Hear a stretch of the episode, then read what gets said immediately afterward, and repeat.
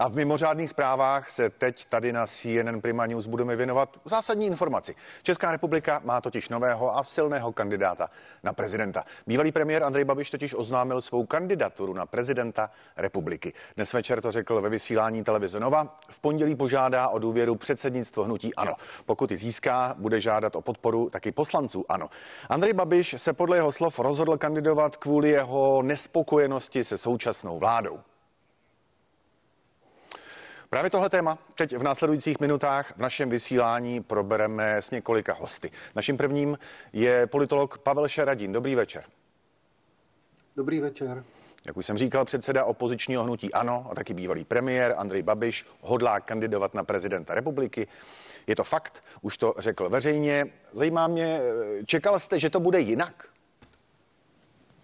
Ano, já jsem se původně domníval, že zvláště ty výsledky v senátních volbách eh, ukázaly limity eh, Andreje Babiše a že bude velmi zvažovat, zda do té volby nakonec, jestli do té volby vůbec půjde. Nakonec pravděpodobně hnutí ano nesehnalo lepšího kandidáta a veškerá ta příprava potom ukazuje na to, jak asi i ta kampaň bude vypadat. Takže Malé překvapení to je, ale v těch posledních dnech se mi zdá, že, že už se k tomu schylovalo. Tím částečně odpovídáte i na moji další otázku a to je, mm, proč si myslíte, že Andrej Babiš tak dlouho otálel se zveřejněním své kandidatury? Mluvilo se o tom dlouho. Eh, byla v tom nějaká taktika, nějaký záměr?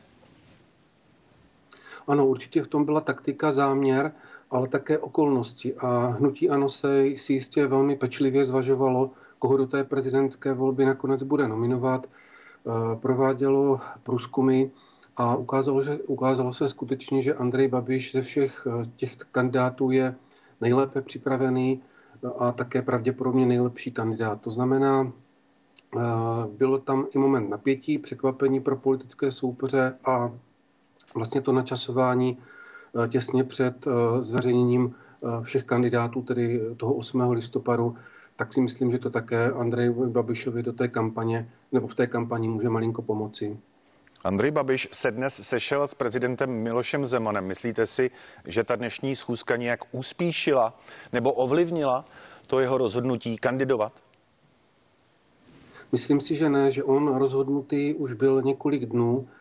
Je to také důsledek těch průzkumů, o kterých jsem hovořil a také vlastně sázka na to, že ty své vyhlídky vidí poměrně dobře, že by měl projít do druhého kola a že se, že se zkusí udělat všechno pro to vlastně, aby v tom druhém kole potom zvítězil. Takže tato schůzka podle mě byla už jenom formální a prezidenta informoval o svém rozhodnutí. Nejužší vedení Nejužší vedení hnutí ano diskutovalo o možných kandidátech na prezidenta. Myslíte si, přicházel v úvahu někdo jiný než Andrej Babiš? Eh, mluvilo se o Aleně Šilerové, taky Karlu Havlíčkovi, eh, skloňován byl i Martin Stropnický. Eh, byl to jen jakýsi klamný manévr a bylo od začátku jasné, že to nakonec bude Andrej Babiš? A nebo si dokážete reálně představit situaci, že by hnutí ano postavilo jako svého kandidáta třeba Alenu Šilerovou? Ano, to já si velmi dobře dokážu představit. Skutečně eh, v tom mediálním prostoru se testovali růz, různí lidé, eh, sledovali se eh, sociální sítě, reakce odpůrců, příznivců a to všechno samozřejmě hrálo obrovskou roli. A se všech těchto podkladů ale jednoznačně hnutí ANO vyplynulo, že nikdo z těch, o kterých ANO uvažovalo, není tak kvalitní kandidát jako právě Andrej Babiš. Z toho, co jste říkal, jsem pochopil, že ano, mělo jakousi dobu testování, testování voličů, čili je to rozhodnutí o kandidatuře Andreje Babiše výsledkem politického marketingu, tedy přesného cílení?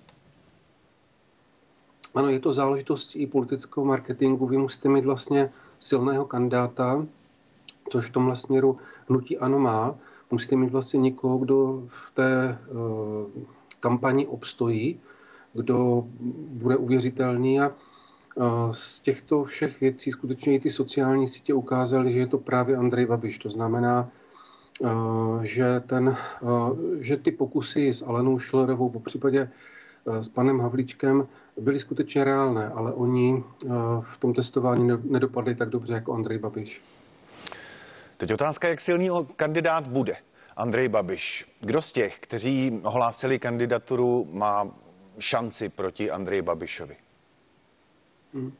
Je pravděpodobné, že by to eh, měl být eh, generál Pavel, proto také ta, eh, v těch posledních 14 dnech se útoky právě na něj z prostředí blízkého Andrej Babišovi, tak těch útoků přibývalo a přibývat také bude. To znamená, že zatím podle všech prognóz a podle všech průzkumů by to mohli být právě oni dva, kteří se dostanou do druhého kola. kola. Ale vlastně ta horká část kampaně ještě nezačala my uvidíme, kdo, si, kdo jak si v ní povede, kdo udělá velké chyby, na koho bude směřovat negativní kampaň. To všechno mohou být věci, které tu podobu té výsledné dvojky nakonec ovlivní. Když jste zmínil kampaň, e, zostří se předvolební kampaň právě kvůli skutečnosti, že jedním, e, řekl bych, silných kandidátů je Andrej Babiš. Bude ta Eh, kampaň intenzivnější a možná i, no prostě ostřejší? Předpokládám, že se zostří. Eh, Andrej Babiš má v zásadě dvě možnosti. Působit eh, státotvorně, prezentovat se jako člověk, který má za sebou bohaté podnikatelské, politické zkušenosti, který dobře rozumí české společnosti a tímto by vlastně mohl být přijatelný, řekněme, pro širší spektrum voličů, kteří volí ano, ale například také SPD po případě volbám nechodí. A nebo na druhé straně to může být kampaň velmi útočná, dravá, kdy bude chtít ukázat, že je velice dobře připravený, že se nebojí konkurence a že ta konkurence je horší. Osobně si myslím, že by to mohla být vlastně kampaň obou dvou eh, táborů nebo obou dvou hledisek, ale u Andreje Babiše nejspíše převáží Eh, ta eh, silová kampaň, to znamená, bude se snažit dominovat, eh, bude používat negativní kampaň vůči konkurenci a myslím, že v tomhle směru se máme na co těšit. Ještě jedna otázka, když se Andrej Babiš dostane do druhého kola prezidentské volby, tedy teoreticky nechci předjímat, s kým se podle vás ve druhém kole utká? Kdo to bude?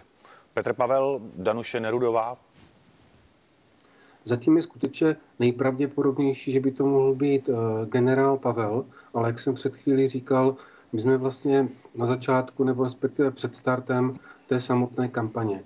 Může se stát opravdu cokoliv, mohou, eh, můžou, může se stát to, co se stalo Janu Fischerovi před několika lety, kdy byl velmi horkým favoritem právě na to druhé kolo a nakonec neuspěl. To znamená, že i někdo z těch, kteří se dnes pohybují v čele toho peletonu, tak zkrátka může tu kampaň přepálit a uh, můžeme být překvapení, kdo v tom druhém kole bude. Politolog Pavel Šaradín, teď je hostem našich mimořádných zpráv. Děkuji za váš čas, za vaše názory, ale především mějte se hezky. Děkuji, pěkný večer. A teď už náš další host, další host našeho speciálního vysílání, politolog Jan Kubáček. I vám dobrý večer. Dobrý večer. Jen pro pořádek předseda opozičního hnutí ANO a bývalý premiér Andrej Babiš chce kandidovat na prezidenta republiky, už to řekl oficiálně a veřejně. Zajímá mě, jestli jste čekal, že to bude jinak, nebo jestli to bylo jasné už dopředu.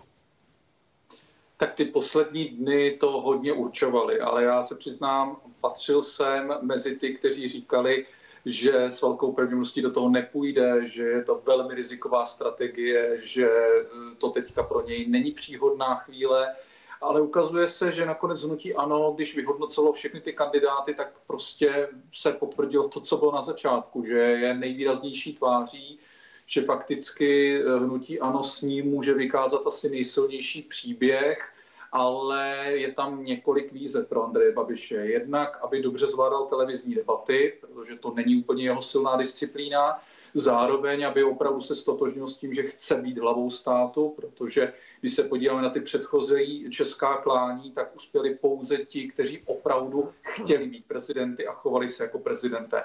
A to byl Václav Klaus ještě v době nepřímé volby, ale už tam měl takový poloduel s Janem Švejnarem, tak potom to platí dvojnásob Miloše Zemana, který v podstatě to prožil dvakrát v těch přímých volbách. Eh, zatím Andrej Babiš vystupoval spíše jako přesvědčený premiér a znouzecnost případně vybíral variantu hlavy státu, ale to se musí změnit, protože to by mu ani jeho vlastní podporovatelé dlouhodobě neakceptovali. No a pak samozřejmě třetí předpoklad vedle toho, jak budou slabí nebo kvalitně připravení jeho soupeři, protože stále ještě neznáme jejich schopnost vystupovat pod tlakem před televizními kamerami, to si přece Andrej Babiš už prožil opakovaně, tak samozřejmě do toho promluví prostě ekonomika. Jak společnosti bude, v jaké budeme mizéry, v jakém budeme naladění, jaká bude zima, eh, protože ta kampaň bude velmi intenzivní, velmi kořenitá, velmi negativní, krátká a samozřejmě bude se rozhodovat v lednu, těsně po Vánocích a to ta ekonomika a stav složenek a stav energetiky na našem trhu práce a v českém průmyslu může být fakt někde jinde, než je teď. Na oznámení kandidatury nebo oznámení jména některého z kandidátů hnutí ANO jsme čekali docela dlouho, ten termín se několikrát posouval a měnil. Zajímá mě, proč hnutí ANO, potažmo Andrej Babiš, tak dlouho otáleli se zveřejněním kandidatury. Vidíte v tom nějakou strategii? Byl to záměr? Tak bez zesporu.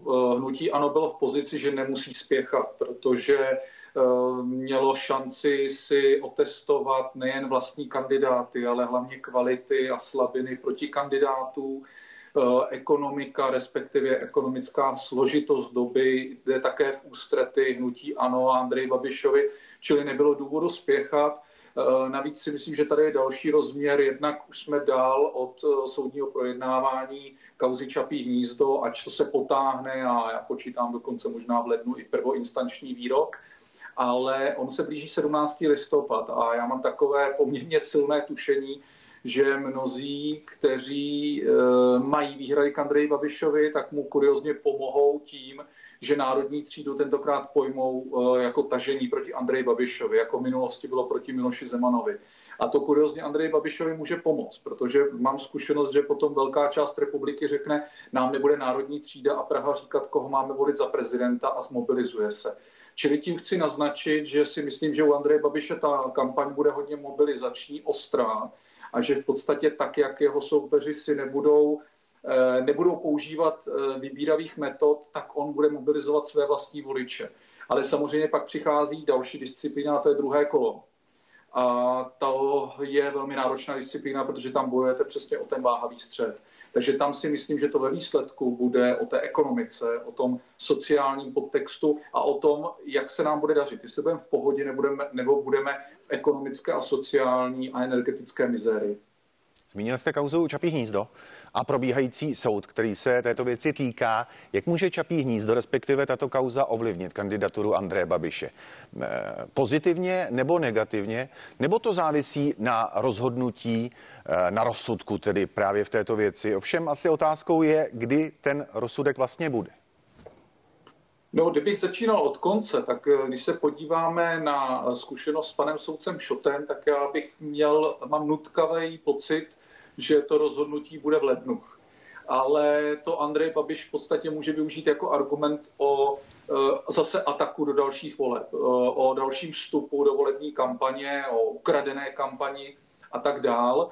E, samozřejmě ten výsledek je důležitý, bude mít dopad, ale řekněme si otevřeně, že pro přesvědčené, zmobilizované jádro voličů Andreje Babiše je už předem jasno. Tím, že prostě ta kauza se táhne, a e, nemá jasného rozuzlení, tak už teď ji vnímají v podstatě jako vyhaslo až spolitizovanou. Pro soupeře je také jasno. Ti už e, Andrej Babiše odsoudili a v podstatě ani nečekají na e, výrok soudu. To vnímají čistě jako formální událost. No a pak je tady část lidí, kteří na to nemají příliš jakoby vyhraněný názor. Ta kauza není pro ně tak fatální, protože mnohem fatálnější jsou pro ně aktuálně složenky a případně jejich perspektiva na trhu práce. A o ně se bude hrát v tom druhém kole protože si myslím, že prostě Andrej Babiš eh, tak, jak vstupuje do kampaní intenzivně, tak má velkou šanci prostě do toho druhého kola se dostat. Ale přesně půjde o to, s jakou převahou a o to, jestli, bude, a jestli dokáže nabudit u široké veřejnosti, že na to má, že vystupuje jako hlava státu, že je schopen vystupovat důstojně. Jinými slovy, myslím si, že Andrej Babiš prostě bude potřebovat co nejvíc zúročit své zkušenosti ze zahraničních jednání, kde prostě vystupoval jako státník kde vystupoval důstojně, kde byl schopen prosadit mnohé a myslím si, že s tím se potřebuje a bude muset popasovat a e, využívat to proti své konkurenci, aby prostě ukázal, že je ten, který se to nemusí učit a je schopen od prvního momentu rozhodovat a reprezentovat zemi na venek. A plus teda čekám také hádanice o komunistické minulosti. Bude to pikantní, protože v podstatě mezi Petrem Pavlem a Andrejem Babišem se povede spor, kdo tedy vlastně v uvozovkách si s tím předchozím režimem zadal víc a e, kdo tu zkušenost, e, jakou nabral a jaké počínání koho z nich bylo škodlivější. Myslím si, že to bude složité i pro některá média se s tím popis, popasovat, protože zatím Petra Pavla eh, vnímají velmi schovývavě až se zavřeným eh, pohledem a sveřepými názory. Tak uvidíme. No, no, uvidíme. Uvidíme taky, kdo vlastně bude volit Andreje Babiše. A to je moje další otázka. Samozřejmě ho budou volit příznivci a voliči hnutí ano, ale eh, ze které další strany se dá čekat podpora? Budou to třeba voliči SPD? Tak já bych především začal ročníkem. Budou to především eh, starší voliči, budou to voliči eh, eh, od, dejme tomu, 55 let výš, budou to voliči ze středně velkých měst a z venkova, budou to voliči, kteří jsou nespokojení s aktuálním chováním, vystupováním, působením vlády, budou to voliči, kteří se bojí budoucnosti. A bude se tady zejména bojovat o ženy voličky, protože jsem přesvědčen, že to právě bude ta rozhodující skupina pro to druhé kolo, která rozhodne, jestli Andrej Babiš bude prezidentem a nebo bude úspěšným postoupivším do druhého kola, ale prostě druhý na pásce. Eh, jinak, jak jste vzpomínal, z jakých eh, politických subjektů se bude rekrutovat eh, jeho potenciální voliči, tak ano, souhlasím s vámi, že to bude z řad SPD, bude to z řad i Levice, kterou tedy velmi zdařile a masivně vyluxoval, ale bude to z řad i různých regionálních subjektů. A jak říkám, já jsem přesvědčen, že to bude spíše tentokrát o jakoby životní úrovni, o spokojenosti s aktuálním vývojem a o postoji k současné vládě.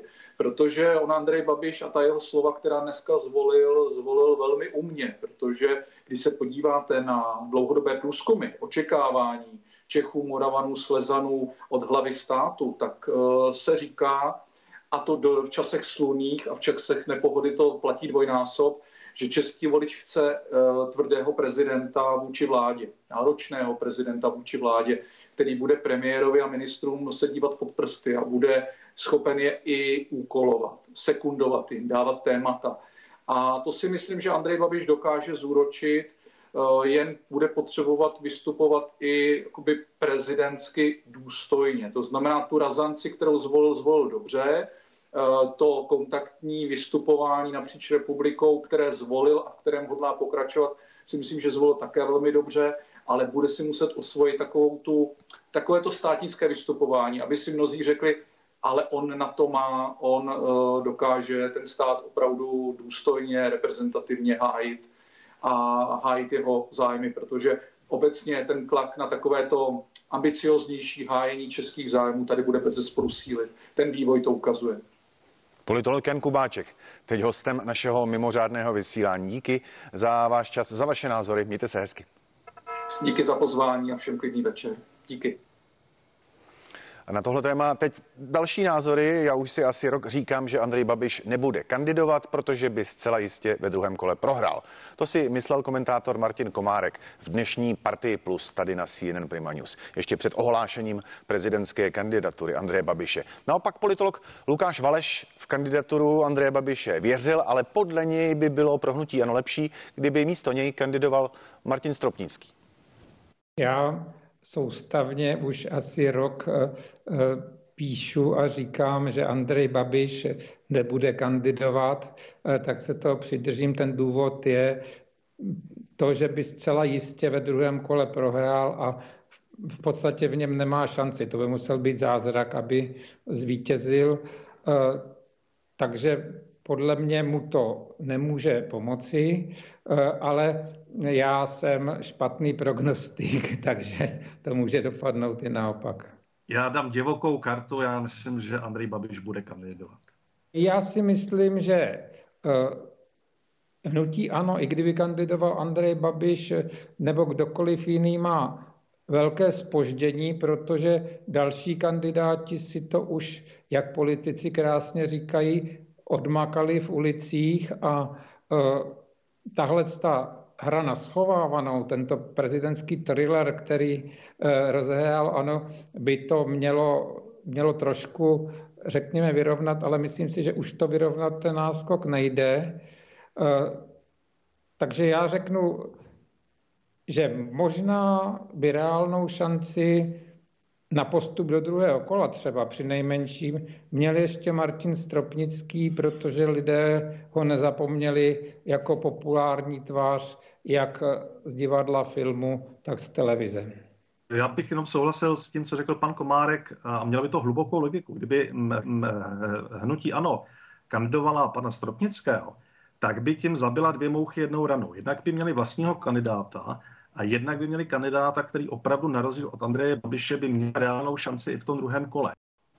A odborník na politický marketing, politolog Miloš Gregor, teď je naším dalším hostem. I vám dobrý večer. Dobrý večer. Jen pro pořádek, předseda opozičního hnutí ANO a bývalý premiér Andrej Babiš hodlá kandidovat na prezidenta republiky, už to řekl veřejně. Zajímá mě a ptám se všech našich dnešních večerních hostů, jestli jste čekal, že to může dopadnout jinak. Já se přiznám, že jsem se nebyl jistý. Já jsem tam viděl dvě motivace. Jedna, o jedné té motivaci hovoří veškeré průzkumy a to je, že Andrej Babiš sice uh, zdá se zatím nemá šanci v druhém kole uspět, nebo je výrazně slabší než jeho protikandidáti, nicméně je zdaleka nejsilnějším eh, nominantem za ANO. Prostě nikdo další, žádná další jména, která se objevovala, nebyla ani z poloviny tak populární uh, mezi voliči ANO a přidružených nebo příbuzných stran jako Andrej Babiš. Takže racionální by bylo, aby kandidoval. Já jsem si ale říkal, že tam může se hrát velkou roli to, že Andrej Babiš velice těžce nese své prohry a to, že eh, tu prezidentskou volbu nevyhraje, je pro ně poměrně velký risk. Tak jsem si nebyl jistý, zda eh, převáží to racionálno nebo právě tady tahle ta charakterová vlastnost. Co si myslíte teď? Jak dopadne Andrej Babiš? Tak eh, čtvrt roku do voleb, dva půl měsíce do prvního kola, tři měsíce do druhého kola jsou v kampani celá věčnost. Jenom když vzpomeneme, jak třeba vypadaly preference před sněmovními volbami v loňském roce, tak, eh, tak to bylo úplně jiné, než takové byly ty výsledky. Na druhou stranu Andrej Babiš už tu kampaň vede přibližně rok, byť nevyřčenou, a já jsem teda předpokládal, že bude schopný udržet trošku nervy na úzdě, bude schopný mluvit smířlivěji, aby přesvědčil své skalní odpůrce, že možná nebude tak špatným prezidentem, ale ukázalo se, že toho Andrej Babiš schopný není a tu eh, toleranci ve společnosti vlastně nezvýšil ani opít. Tak si nejsem jistý, jestli tohleto eh, po osmi, desíti letech eh, v politice zvládne během tří měsíců nějak zvrátit. Hmm. Vaši předřečníci naznačovali, že to rozhodnutí o kandidatuře Andreje Babiše, ať už je jakkoliv překvapivé nebo ne, je výsledkem politického marketingu. Je výsledkem zkoumání o tom, jak silná byla další jména z hnutí ANO, další jména pro případnou kandidaturu, třeba paní Šilerová nebo pan Havlíček. Tak je to výsledek politického marketingu a je to tak, že to není náhoda, ale je to rozhodnutí, které opravdu souvisí s podrobnou analýzou toho, co voliči chtějí? Já nevidím do hlavy Andrej Babišovi, tak si netroufám úplně interpretovat jeho eh, motivace nebo ty důvody, které byly důležitější než jiné.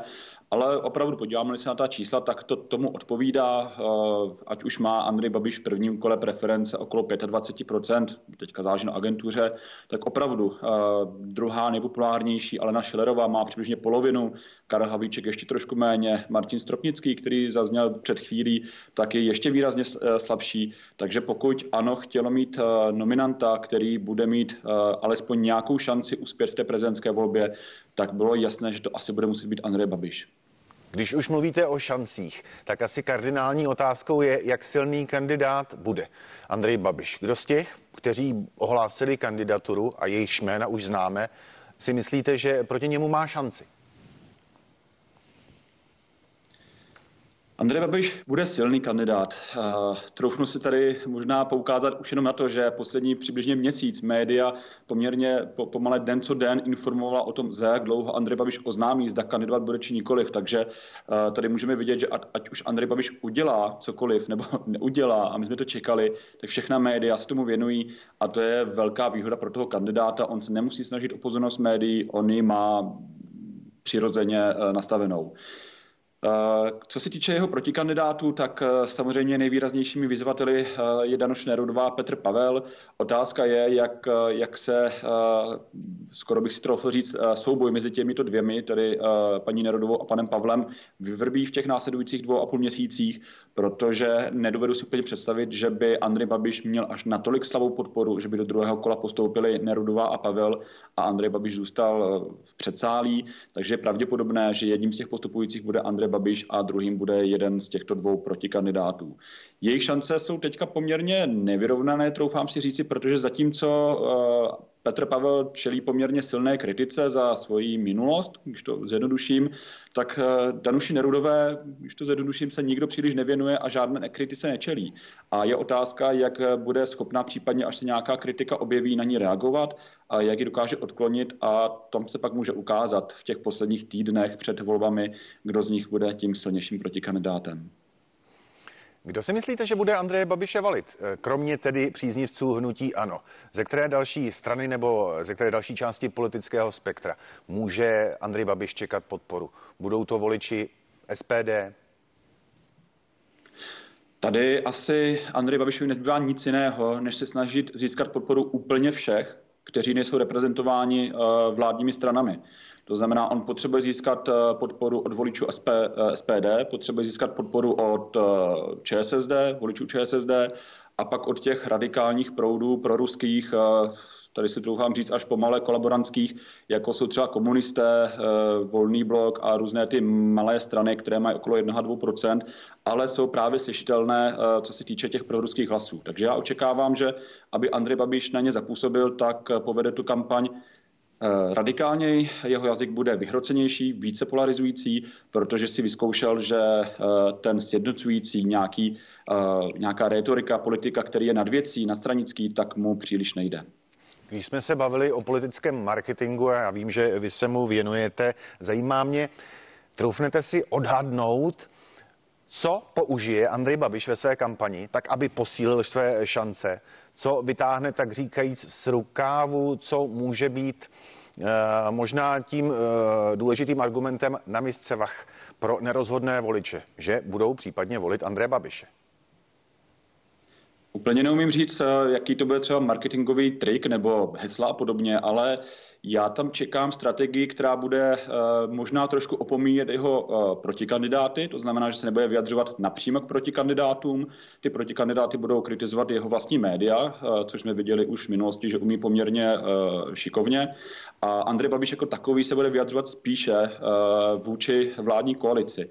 A ostatně už to dneska zaznělo při tom jeho rozhovoru na konkurenční televizi, kdy jsme mohli vidět, že on úplně opomíjí, proti komu kandiduje a snaží se tvářit, jako nějaké mocenské, eh, nějaká mocenská protiváha proti centrum, proti, proti vládě a snaží se ten souboj o Pražský hrad přetvořit eh, v nějaké, možná řekněme, další referendum o vládě a vytvořit zdání, že on by mohl jakožto prezident eh, třeba úplně zvrátit nějaký politický směr nebo politickou, ekonomickou situaci v zemi. Ještě jednu otázku, která se týká přímo osobnosti Andreje Babiše, tak jak ho jistě sledujete už těch mnoho let ve vrcholné politice. Co je eh, takovým jeho nejsilnějším nástrojem, nebo v čem je Andrej Babiš nejsilnější? S čím si myslíte, že půjde do té zřejmě vyhrocené prezidentské kampaně?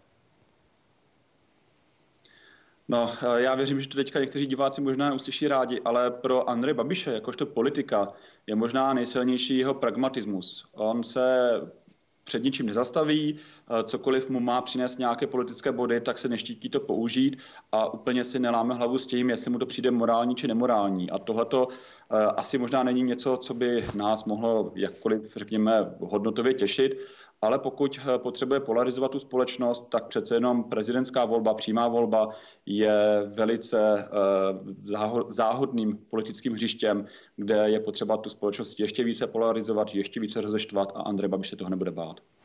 Odborník na politický marketing a taky politolog Miloš Gregor, teď naším hostem. Díky za rozhovor, mějte se hezky. Děkuji, pěkný, pěkný zbytek večera. A hned náš další host. A tím je komentátor Martin Šmarc. I vám dobrý večer. Dobrý večer vám divákům. Ptal jsem se všech vašich předřečníků, čili vás o tu otázku nemůžu připravit. Zajímá mě, jestli jste čekal, že Andrej Babiš nakonec přeci jen bude kandidovat na prezidenta.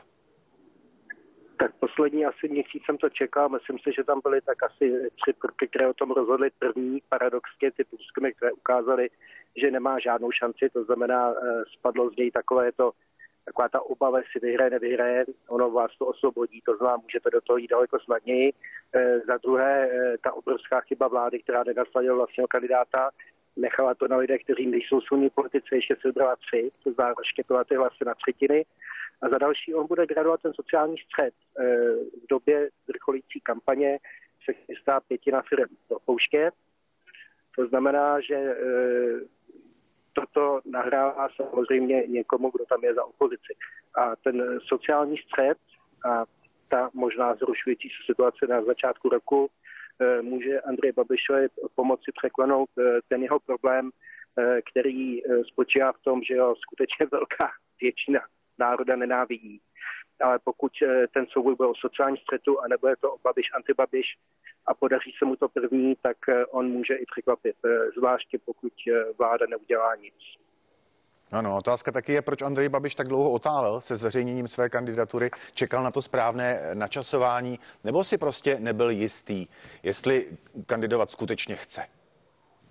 Nebyl si jistý, on má ten soud, on ten soud také projevil na těch jeho šancích, ono to ani tak nesrazilo dolů jeho nativní podporu mezi jeho voliči, ale srazilo tu podporu do toho druhého kola, to znamená tam, kde on musí získávat hlasy i těch jiných stran. Nicméně, jak říkám, eh, vláda to hodně prokaučovala, vláda vlastně nikoho nenasadila, eh, za další ten sociální střed graduje a pokud jemu se podaří převést ten střed eh, od svojí osoby, k tomu, že se udělá jakési referendum o tom, jak se lidem žije, eh, tak eh, on může potom získat všechny ty levicové hlasy, které nyní nemá. Pozor, hlasy eh, těch, těch co volí SPD nebo volný blok a takový, takovýto lidé, on je nemá paradoxně proto, že pro ně on je ještě příliš slušný a příliš proevropský. To není proto, že by, že by oni, oni chtěli volit vládu, ale jemu tyto hlasy chybí. Eh, když se podívá, tak dopadly volby, on, neby, on nemusí získávat žádné hlasy eh, těch lidí, kteří volili vládu. No úplně stačí, kdyby pozbíral všechny hlasy lidí, kteří nevolili a to teoreticky může. Podívejte se, eh, jak, jak se daří lidem té Putinové páté koloně, kolik lidí oni získávají na náměstí. A myslím si, že Andrej Babišovi ne, nebude vůbec vadit tyto lidi, lidi oslovit úplně stejně. Už jen poslední věc a prosím stručnou odpověď. Kdo si myslíte, kdo z těch, kteří ohlásili kandidaturu na hrad má proti Andreji Babišovi reálnou šanci? No, to je otázka. Ono to je obráceně. On, Andrej Babiš by neměl mít žádnou šanci v tom druhém kole vyhrát. na druhou stranu už jsem se tři čtvrtě rokem varoval, že ty volby eh, mohou být o sociálním střetu, což také jsou. A že tedy debata, kde Andrej Babiš je stranou politikovi, který s tou populistickou kartou a s tím sociálním střetem umí rád, se postaví generál a ekonomka, tak eh, to on bude teda v silné výhodě v těch debatách. Jak říkám, ale e, proti němu mluví to, že momentálně většina národa nenávidí. Nicméně on tam bude samozřejmě nejsilnější z hlediska, pokud bychom nehodnotili osobnost, ale z hlediska toho, jaký kdo v těch debatách, Eh, tak si myslím, že tohle to byla od vlády velká chyba, protože neumím si vůbec představit, jak třeba Petr Pavel mu bude argumentovat v nějakých sociálních otázkách. Komentátor Martin Šmarc, teď hostem eh, našeho večerního vysílání. Díky. Hezký večer. A my v mimořádném zpravodajství budeme pokračovat po krátké pauze, tak nás dál sledujte. Dobrý večer.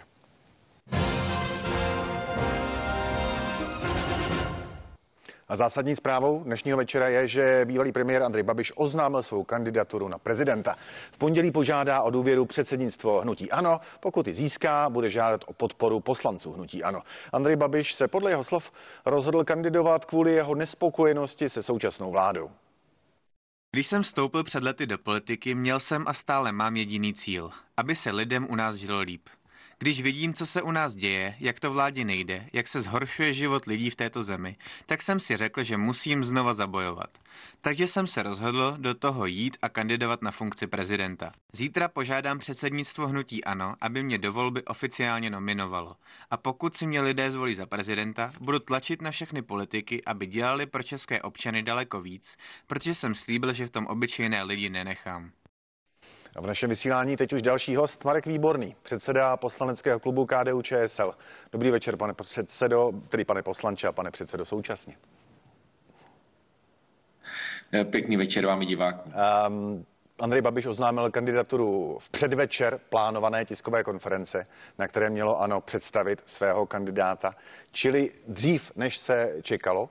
Zajímá mě, jestli vás to překvapilo. Eh, ano, překvapilo mě to. Eh, já jsem přece jenom očekával, že i eh, v této věci Andrej Babiš počká na jednání hnutí ANO. Jenom to ukazuje to, že celý ten projekt hnutí ANO stojí a padá s jedním jediným člověkem a to je Andrej Babiš. Já si nedovedu představit, že by v jakékoliv standardní politické straně eh, byla tato věc oznámena bez projednání a schválení v orgánech té strany samotné. Takže eh, to snad jenom poznámka k tomu, že jsem očekával, že to oznámení přijde zítra. Překvapila vás ale ta samotná kandidatura, tedy ta skutečnost, že kandidátem hnutí ano nakonec přeci jen je Andrej Babiš? Tak já respektuji právo eh, každého, kdo splňuje eh, ústavu stanovená kritéria kandidovat eh, v prezidentské volbě. U Andreje Babiše je to pozoruhodné s ohledem na to, jednak co on dlouhodobě říká a hlavně budeme bohužel situaci, kdy mezi kandidáty bude člověk, který bude v té samé době eh, čelit eh, jako obžalovaný eh, soudnímu procesu v neúplně marginální kauze. Takže to si myslím, že obecně není nic, co by zvýšilo politickou kulturu tady u nás. Dlouho se spekulovalo, Zdá, to bude Andrej Babiš nebo třeba někdo jiný z hnutí ANO. Mluvilo se o Aleně Šilerové, o Karlu Havlíčkovi. Jak to teď podle vás změní dynamiku voleb a vůbec celé té volební kampaně, která nás čeká?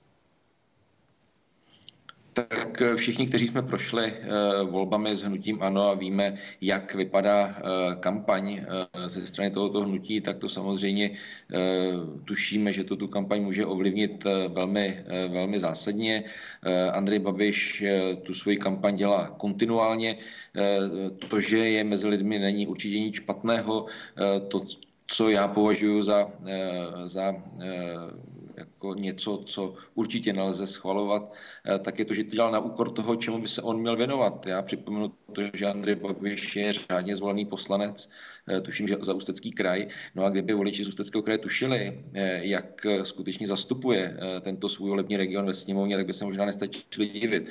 Já jsem se teď díval před chvílí, jaká je aktuální jeho účast na jednání sněmovny, tak je to necelých 16%. Tak myslím, že všichni poslanci se snažíme, já se taky v, snažím co nejvíce být mezi lidmi, mezi voliči, navštěvovat firmy, podniky, školy, eh, charity a sociální zařízení, ale přitom samozřejmě také to zásadně důležité je naše práce ve sněmovně. To Andrej Babiš vůbec nedělá, tak eh, jenom taková otázka, jestli by takto přistoupil eh, k výkonu svého prezidentského mandátu, no tak to myslím, že by nebylo nic pozitivního pro občany této země. Čím se on mimo jiné teďka zaklíná, že mu jde přece o blaho občanů České republiky. Z té vaší odpovědi jsem pochopil, pane předsedo, že eh, prezidentská kampaň už vlastně běží, tedy alespoň eh, v případě pana Babiše. Čeká nás tedy ta její finální poslední fáze, jak moc podle vás bude vyhrocená? Tak já bych si přál, aby nebyla vyhrocená, aby to byl souboj uh, argumentů, programů, ideí. Bohužel ten, to, co známe z hnutí ANO od Andreje, od Andreje Babiše, tak to je bohužel velmi často založeno nikoli na nějakém věcném střetu, ale na, řekněme, maximalizujícím populistickém oslovování voličů a nebude to něco, co by eh, dokázalo, eh, dokázalo eh, občany České republiky, Českou republiku spojovat, dávat dohromady v této nelehké době. Já se obávám, že se to může negativně promítnout i na půdě poslanecké sněmovny do jednání, které už dneska je mnohdy ze strany hnutí ano blokované a to samozřejmě může e, komplikovat právě tu pomoc občanům e, České republiky e, v této dnešní bezprecedentní době, kdy řešíme rostoucí inflaci, kdy, kdy řešíme dodávky energií a tak dále. Tak já bych si velmi přál, aby se to negativně neprojevilo právě na jednání sněmovny. Teď po oznámení kandidatury Andreje Babiše nelitujete, že jste vy jako koalice spolu nepostavili svého vlastního prezidentského kandidáta?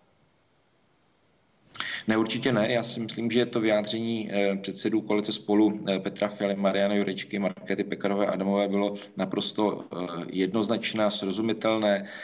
My jsme sdělili kritéria, která by podle nás měl budoucí prezident mít.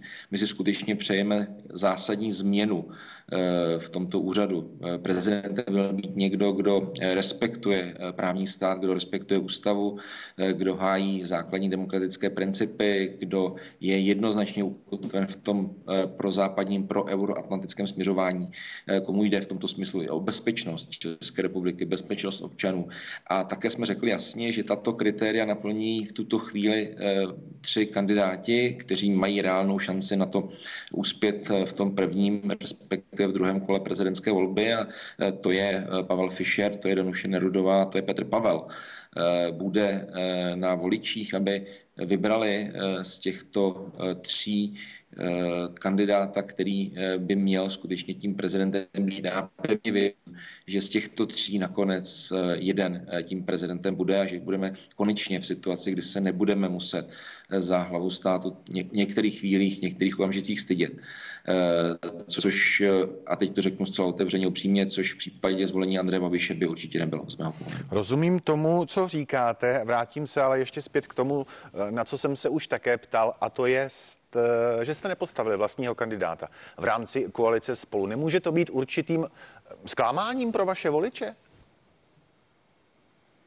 Eh, nemyslím si. My máme třeba, když teď budu mluvit tady za KDU ČSL, my máme nějaké interní průzkumy a více jak 50% našich členů a sympatizantů eh, podporuje a už tak učinila i před pěti lety eh, podporuje Pavla Fischera, senátora.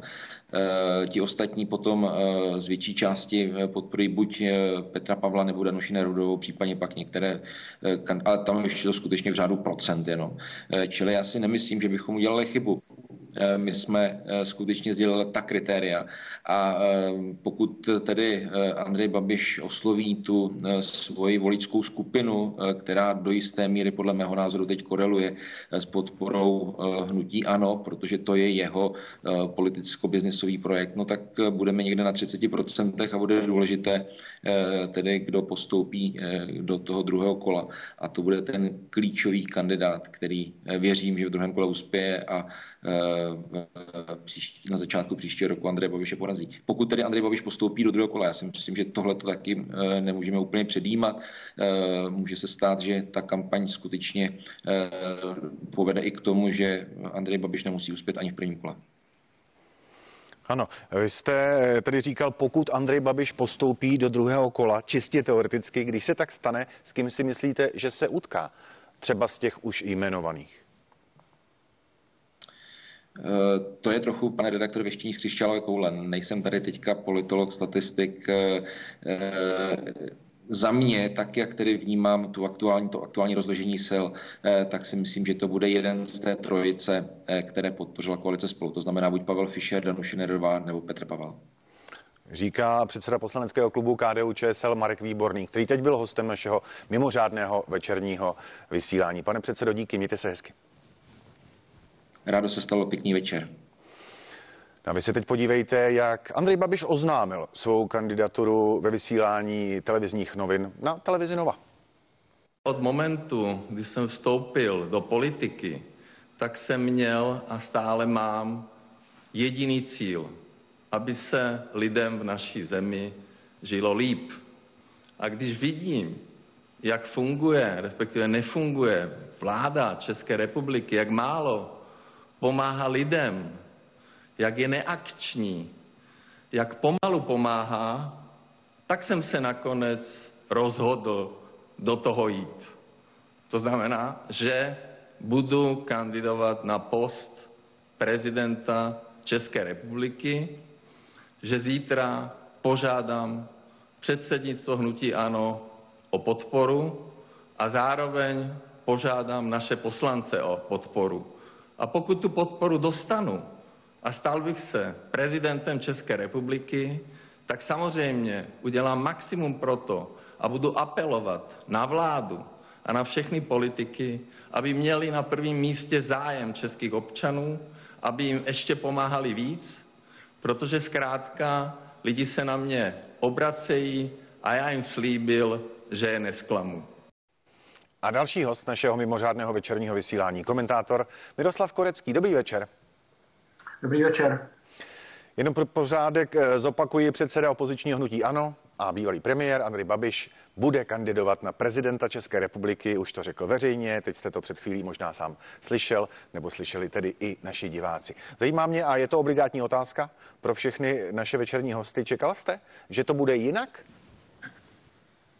Ehm, já jsem eh, několik měsíců dopředu eh, se domníval, že čím, čím dál menší pravděpodobnost, že je, že Andrej Babiš do té volby půjde, a, protože řada racionálních důvodů hovořila proti tomu, jak průzkumy, tak jeho soud ohledně Čapího nízda, tak další věci. Eh, na druhou stranu těsně před eh, tím jeho oznámením několik dnů, možná týdnů se začaly z eh, prostředí hnutí ANO šířit hlasy, které svědčilo o tom, že skutečně jakkoliv racionalita možná trošku mluví jinak, tak Andrej Babiš, že do té volby půjde, on, jak on tam řekl i v té televizi Nova, on je, sám o sobě říká, že je velký bojovník, on to prostě zkusí a, a uvidí. Je to tedy tak, že je tohle rozhodnutí výsledkem nějaké taktiky, nebo je ta skutečnost jiná třeba taková, že hnutí ano prostě nemá lepšího kandidáta? Tak asi je to nějaká souhra. Tam proběhly nějaké ty průzkumy, které byly veřejně publikovány agentury Ipsos, která srovnávala různé dvojice kandidátů, jak by mohli uspět i některých potenciálních a ukázalo se, že pokud by hnutí ANO nasadilo někoho jiného než Andrej Babiše, tak eh, kdo by mohl mít jako teoreticky vyšší šanci než Andrej Babiš, tak paradoxně se ukázalo, že ta šance by byla mnohem nižší. A to i u lidí eh, možná koncenzuálně přijatelných, jako je třeba Martin Stropnický, Čili možná, že i to byl důvod, proč Andrej Babiš nakonec tu roli toho prezidentského kandidáta se rozhodl, že vezme na sebe. Ano, ono, ono nejužší vedení hnutí ano údajně diskutovalo o možných kandidátech na funkci prezidenta. Zajímá mě, jestli vůbec reálně přicházel v úvahu někdo jiný, právě než Andrej Babiš. Alena Šilerová, Karel Havlíček a nebo, tak jak už jste sám zmínil, Martin Stropnický. Mimochodem, u toho bychom se mohli zastavit a říct, jak eh, vlastně vznikl ten nápad. Tedy začít mluvit o Martinu Stropnickém jako případném možném kandidátovi. Zahnutí ano. Eh, nevím, do jaké míry to vůbec bylo to jméno míněno vážně, nebo jestli to byl takový jenom balónek, jak by na to zareagovala veřejnost a, a, a sociální sítě a podobně. Eh, ale to, to jméno zase nebylo tak nelogické. Martin Stropnický je člověk, který byl postupně ve třech různých vládách ministrem a eh, byl dlouhá léta diplomatem, navíc je veřejnosti znám jako, jako populární herec předtím a ty, ty jeho seriály a filmy stále běží, takže veřejnosti jakoby stále v povědomí, takže tam nějaká pravděpodobnost byla, že by mohl uspět jakoby mnohem lépe než Andrej Babiš, který přece jenom výrazně polarizuje českou společnost ale ukázalo se, že tomu tak není, že prostě možná, že voliči hnutí ANO by to vnímali jako zradu od svého eh, předsedy nebo od předsedy tedy svého favorizovaného hnutí, že do té volby nejde. A proto si myslím, že Andrej Babiš se rozhodl nakonec, že to, že to vezme na sebe, jak, jakkoliv, říkám, eh, spousta důvodů mluví proti a jakkoliv ho to může politicky poškodit, Možná, že tam mohl hrát roli i fakt eh, výsledek podzimních voleb do komunálních, komunálních voleb a voleb do Senátu, které jakoby se nestali tím referendem, které Andrej Babiš sliboval, které mělo jakoby rozkývat trochu tu vládu. Vláda naopak tu svoji pozici relativně posílila, ovládla velmi e, výrazně Senát, čili to znamená, že další tři roky bude velmi pravděpodobně, pokud se nerozpadne kvůli nějakým svým vnitřním problémům, takže tady bude vládnout a Andrej Babišovi by nezbylo nic jiného, než být opozičním lídrem, sedět ve sněmovně, což je role, která jemu tedy velmi a velmi nesedí. Změní se teď nějak zásadně kampaň, prezidentská kampaň hnutí? Ano, myslím eh, tou skutečností, že tedy pan Babiš oznámil oficiálně svou kandidaturu. Bude ta kampaň intenzivnější, vyrocenější? Eh, no, v každém případě se změní úplně celá kampaň, změní se celý ten půdorys té prezidentské volby. Eh, na, na tohleto rozhodnutí všichni čekali a tohleto rozhodnutí mělo právě určit, jaká ta volba bude, protože pokud by Andrej Babiš do té volby nešel, šel tam místo něho nějaký náhradník, tak by, by ta volba vypadala úplně jinak, protože v žádném případě by neměla ten náboj toho jednoho silného predátora, Andreje Babiše, bývalého premiéra, předsedy nejsilnější strany v zemi a versus lidi, kteří jsou více či méně známí, jejich názory nejsou často moc známé a tak dále. Čili eh, bez Andreje Babiše by ta volba prezidenta byla taková Eh, taková druhá liga, ne okresní přebor. S Andrejem Babišem se to skutečně stane bitvou, jak má, jak má prezidentská volba být a jak jsme viděli v těch minulých, eh, kdy skutečně do ní šel opět silný predátor Miloš Zeman a jeho se pokoušeli se střelit další kandidáti a v těch dalších volbách předtím Václav Klaus samozřejmě a eh, i ta tradice Václava Havla jako dalšího silného prezidenta tady jakoby zavazuje k tomu, že ta bitva o, o prezidenta má být to maximální to maximální vypětí voličů a, a, a politiků a že bude to skutečně volba, bude to první liga. Budeme ji určitě velmi pečlivě sledovat. Ještě jedna otázka, tedy věc, která mě zajímá. Myslíte si, může teď vládní koalici mrzet, že de facto nepostavila vlastního prezidentského kandidáta?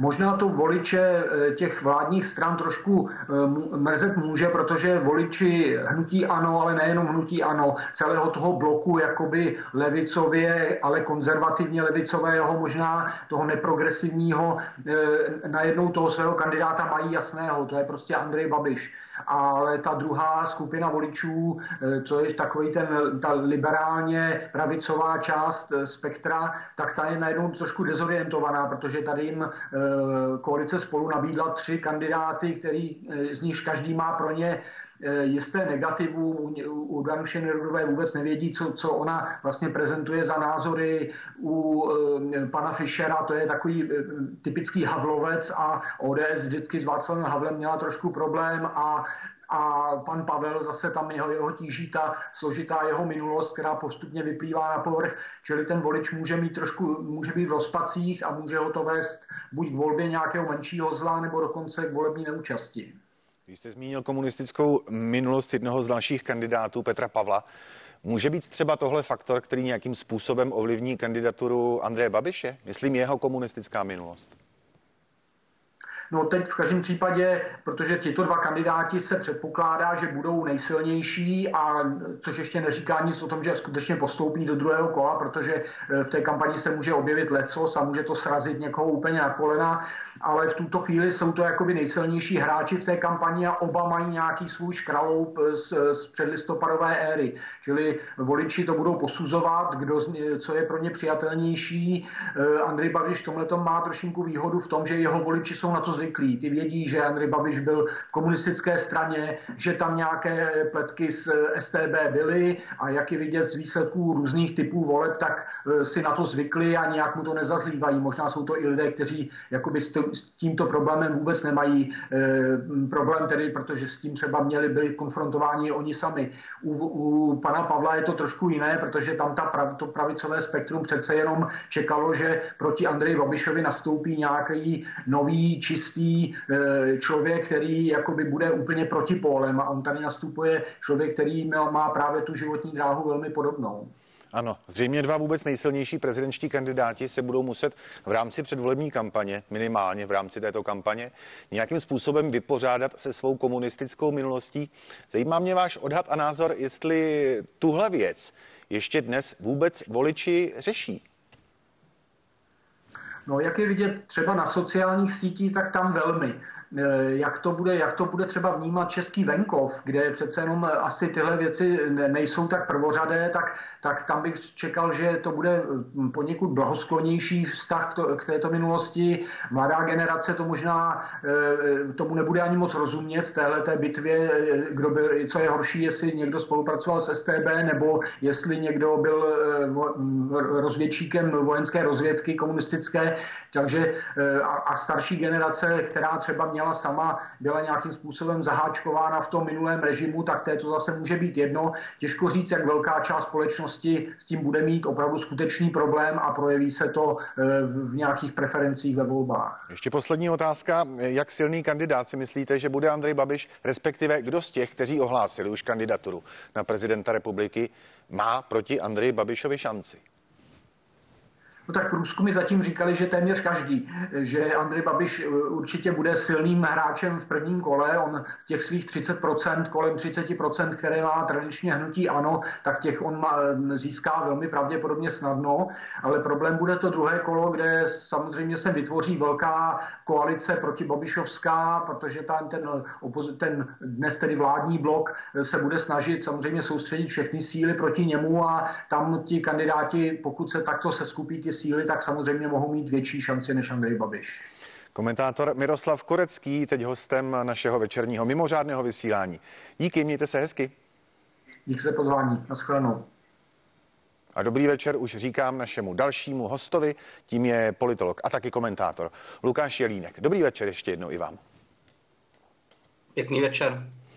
Předseda opozičního hnutí ANO a bývalý premiér Andrej Babiš bude kandidovat na prezidenta republiky, to je zpráva dnešního večera. Zajímá mě a předesílám nebo říkám, je to obligátní otázka pro všechny naše hosty, jestli jste to čekal nebo jestli jste čekal, že to bude jinak. Já jsem připouštěl obě dvě možnosti. V určitém okamžiku se zdálo, že Andrej Babiš nebude chtít jít do prohrané bitvy a raději nastaví nebo nasadí za sebe někoho jiného, ale to, že to nakonec neudělal, eh, to vlastně také není až příliš velké překvapení, protože ta doba skutečně v současnosti přeje opozičním lídrům, opozičním politikům a pro Andreje Babiše je to šance zúročit svoje osobní preference, svoji osobní popularitu i preference hnutí ANO zvlášť když si uvědomuje, že v těch volbách prvního řádu, k nímž patří prezidentské volby, eh, dokáže hnutí ano eh, aktivizovat nebo mobilizovat své voliče, třeba na rozdíl od těch senátních voleb, které v tom druhém kole před nedávnem pro hnutí ano dobře nedopadly. Hnutí ano v tom oznámení svého prezidentského kandidáta váhalo nebo spíš otálelo, několikrát odkládalo ten termín, kdy to jméno mělo být vysloveno, tedy oznámeno. Byla v tom nějaká taktika? Eh, probíhal třeba nějaký proces politického marketingu, který rozhodoval o tom, kdo nakonec z hnutí ano bude kandidovat, tak jak to naznačili třeba vaši předřečníci. Eh, byla v tom nějaká strategie? Já jsem o tom přesvědčený, že ano, že Andrej Babiš si dělal opakované průzkumy a analýzy, aby zjistil, nakolik má šanci jednak postoupit do druhého kola a pak v tom druhém kole uspět. Myslím si, že právě při schopnosti hnutí ANO mobilizovat eh, své voliče, tak eh, druhé kolo v případě Andreje Babiše může být velmi pravděpodobné. No a co se bude dít dál eh, v tom druhém kole, to je v tuto chvíli velká záhada. Myslím si, že Andrej Babiš nerad chodí do prohraných bitev, možná váhal i proto, že se bál, že kdyby prohrál v prezidentské volbě, že ho to může vlastně stát, tak říkajíc krk, že by ho to vymrštilo ven z politiky. Ale na druhou stranu známe třeba příklad slovenského premiéra, expremiéra Roberta Fica, který kandidoval v prezidentských volbách, sice prohrál, ale v současnosti je opět jedním z opozičních lídrů, takže myslím si, že i tady toto je přístup Andreje Babiše, eh, že půjde do toho naplno, buď to vyhraje, a když nevyhraje, tak alespoň eh, se pokusí nějakým způsobem prezentovat sebe a značku hnutí ANO a pak by pokračoval v dalších politických soubojích. Prezidentská kampaň hnutí ano, potažmo Andreje Babiše už vlastně svým způsobem probíhá. Na tom se možná shodneme. Zajímá mě, co bude dál podle vašeho odhadu, jak se teď změní prezidentská kampaň hnutí ano.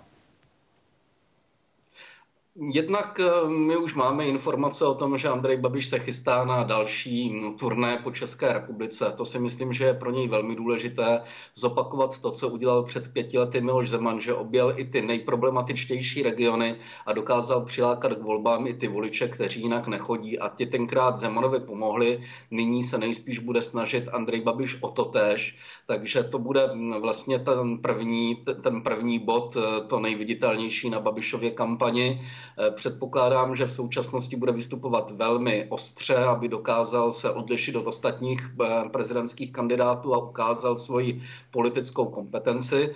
Eh, ovšem potom přijdou televizní debaty a tam to bude mít Andrej Babiš mnohem těžší, protože pokud bude chtít uspět, tak si myslím, že by měl právě v těch debatách eh, projevit větší pokoru a větší smířlivost, než eh, je u něj zvyklé, protože bude muset zaútočit i na ty, nebo oslovit i ty nerozhodnuté voliče a tam bude pro mě alespoň velká otázka, nakolik se dokáže Andrej Babiš umravnit, ukáznit. Ale jak říkám, myslím, že že začátek bude velmi ostrý, velmi důrazný, eh, včetně právě těch mítinků napříč republikou a pak bude hodně záležet na těch prezidentských debatách, jak je jednotliví kandidáti zvládnou, kdo se nechá vyvést z míry, kdo ne a kdo ukáže sílu politických názorů a kdo mm, nakonec propadne. A dokáže se Andrej Babiš umravnit, dokáže se změnit, tak jak jste o tom teď mluvil, nebo budeme i v rámci té nastávající intenzivní prezidentské kampaně výdat eh, Andreje Babiše tak, jak ho známe?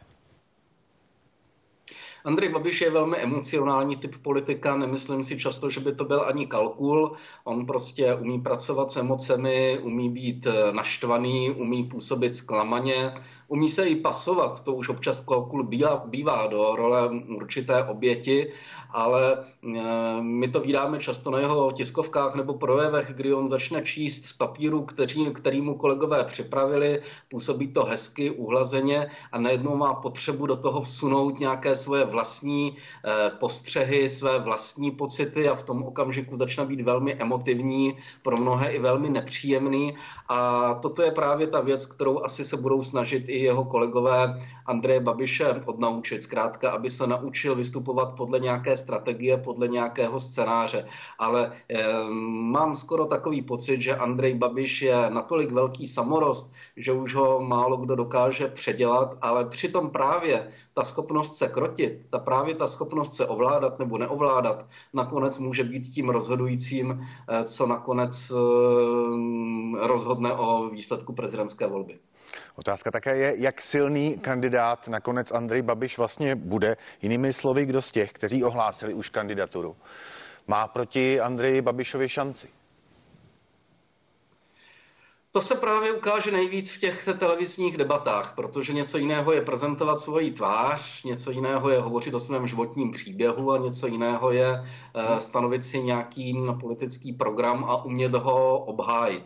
Myslím si, že už i ten dosavadní průběh kampaně ale ukazuje, že Petr Pavel jakkoliv je možná trošku defenzivnější, než by si někteří jeho příznivci přáli a Danuše Nerudová vlastně, oni by se dalo říct něco podobného, takže přeci jenom už jsou to lidé, kteří dokáží se připravit i na tento typ politických střetů. Nejspíš to dokáže třeba i Josef Středula jako odborový předák. Zkrátka já čekám, eh, byť se v případě této prezidentské volby jedná už o jiný typ politiků, než jako byli Václav Havel, Václav Klaus nebo Miloš Zeman. Už je to nová generace služebně i vlastně často fakticky, tak přesto si myslím, že mm, ten jejich přístup k eh, té samotné volbě i k těm debatám bude velmi zodpovědný a že ty debaty, které povedou s Andrejem Babišem, můžou být eh, zajímavé, ale kdo z nich nakonec bude tím vyzivatelem, to si v tuto chvíli troufnout nehodlám, nebo netroufám, myslím si ale, že nejblíž k tomu mají eh, jednak Petr Pavel a potom Danuše Nerudová, která postupně v těch předchozích dnech a týdnech stoupala a může se stát jakousi štikou té prezidentské kampaně. Jak eh, silná a důležitá role bude právě u zmíněných televizních debat. To nás televizní pracovníky velmi zajímá. Čili jak mohou televizní debaty uh, promluvit ve prospěch anebo neprospěch Andreje Babiše.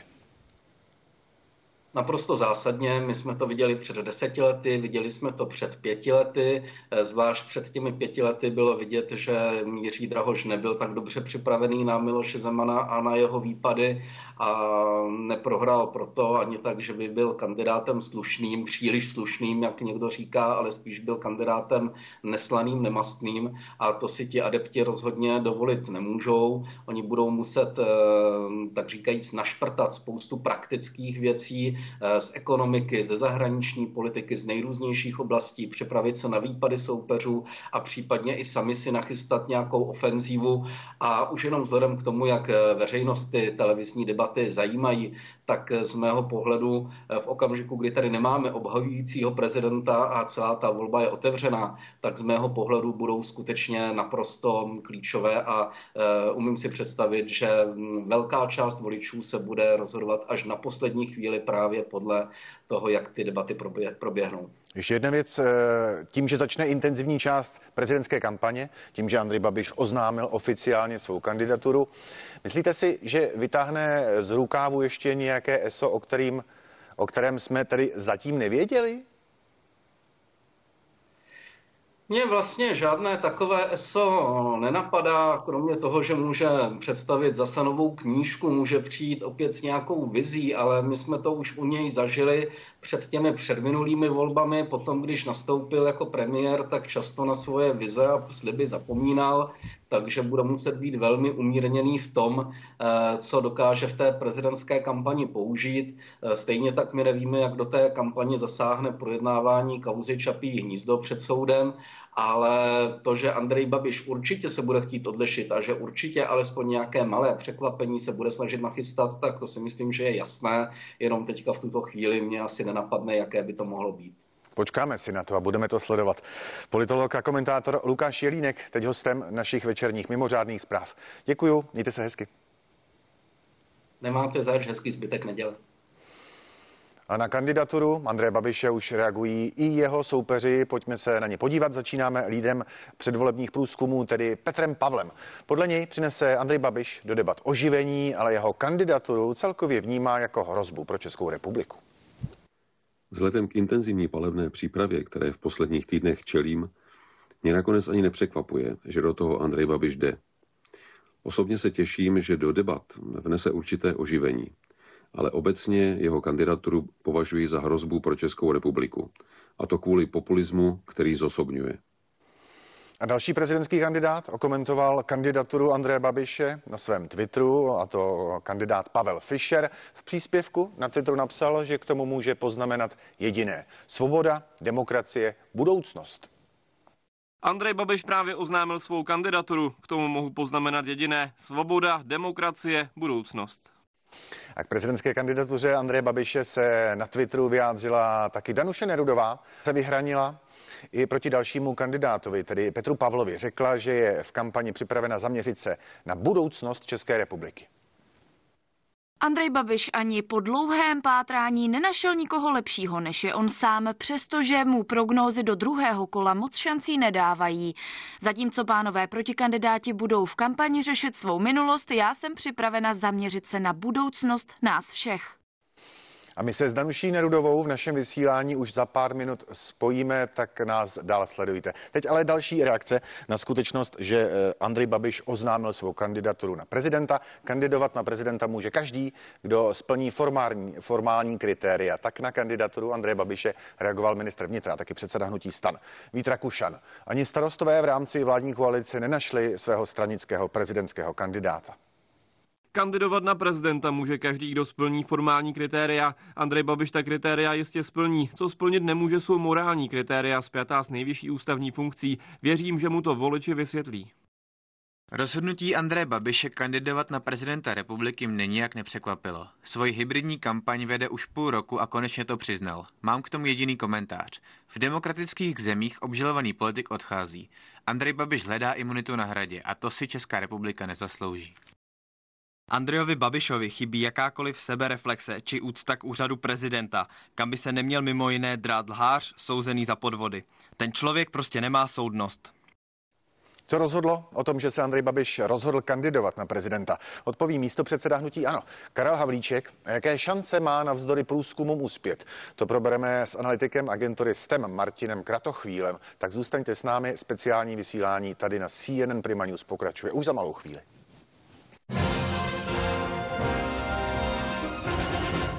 Mimořádné zprávy CNN Prima News a zásadní zpráva dnešního večera.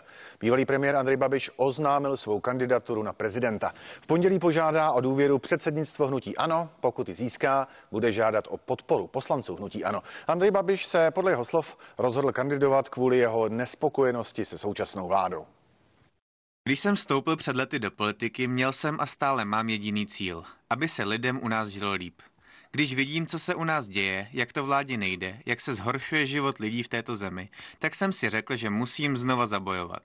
Takže jsem se rozhodl do toho jít a kandidovat na funkci prezidenta. Zítra požádám předsednictvo hnutí ANO, aby mě do volby oficiálně nominovalo. A pokud si mě lidé zvolí za prezidenta, budu tlačit na všechny politiky, aby dělali pro české občany daleko víc, protože jsem slíbil, že v tom obyčejné lidi nenechám. A ve vysílání teď s námi analytik agentury STEM Martin Kratochvíl. Dobrý večer. Dobrý večer všem. Jak se podle vás mění boj o hrad právě s nástupem Andreje Babiše, tedy s oznámením, oficiálním oznámením jeho kandidatury? Já myslím, že přímo máme nalinkovanou jednu, jeden ten scénář možný. Eh, ten jeho vstup do eh, klání bude znamenat, že eh, volba letošního roku se bude podobat uh, minulé volbě, uh, to znamená volbě, kde obhajoval uh, Miloš Zeman svou prezidentský úřad. Bude pravděpodobně velká dynamika jak před prvním kolem, tak především potom ve druhém kole, do kterého má Andrej Babiš velkou šanci postoupit. V průzkumech se Andrej Babišovi v poslední době příliš nedařilo. Tak je možné, že se jeho preference zvednou, když už tedy svou kandidaturu oznámil oficiálně a definitivně? Ono je otázka, co znamená nedařil a závisí také na, těch, na tom, že se bavíme o průzkumech, které uh, běžely ve chvíli, kdy ještě tu kandidaturu neoznámil.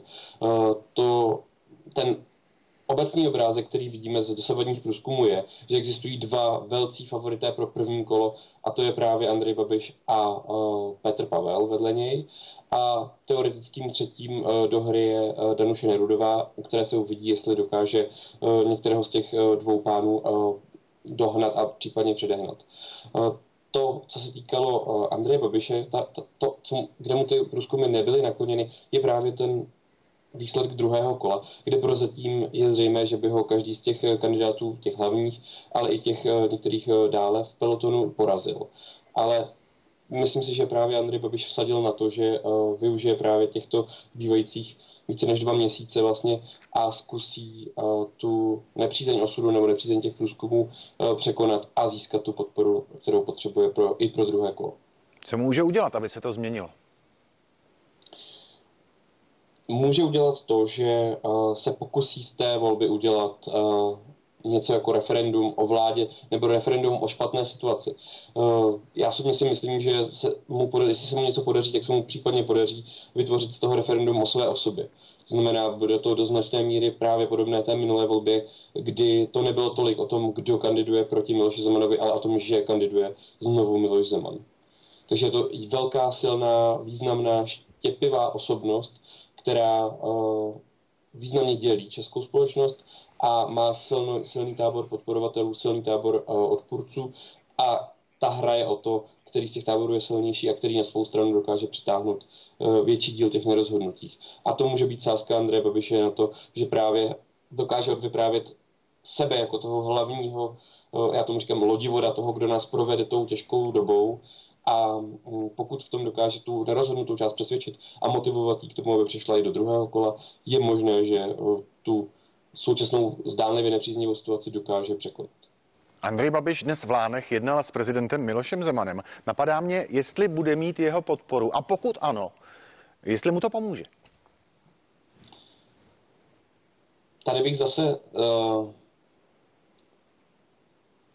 sám sebe a i ostatní se tázal, jestli dostane Andrej Babiš podporu Miloše Zemana právě ve druhém kole, kde by to mohlo mít nějakou rozhodující roli. To znamená, ten, ten aktivizační mechanismus, který se podařil uh, Miloši Zemanovi, uh, nebo ta, ta vlna, kterou on dokázal zvednout právě mezi uh, prvním a druhým kolem minulé volby, by se do nějaké míry mohla zopakovat, i když ne v, té, v tom rozměru, v jakém jsme ji viděli, ale i kdyby to bylo pár procentních bodů, uh, tak to může mít ten, řekněme, ten srovnávací efekt, ten, ten rozhodující efekt, uh, který uh, vrátí Andreje Babiše dále do hry.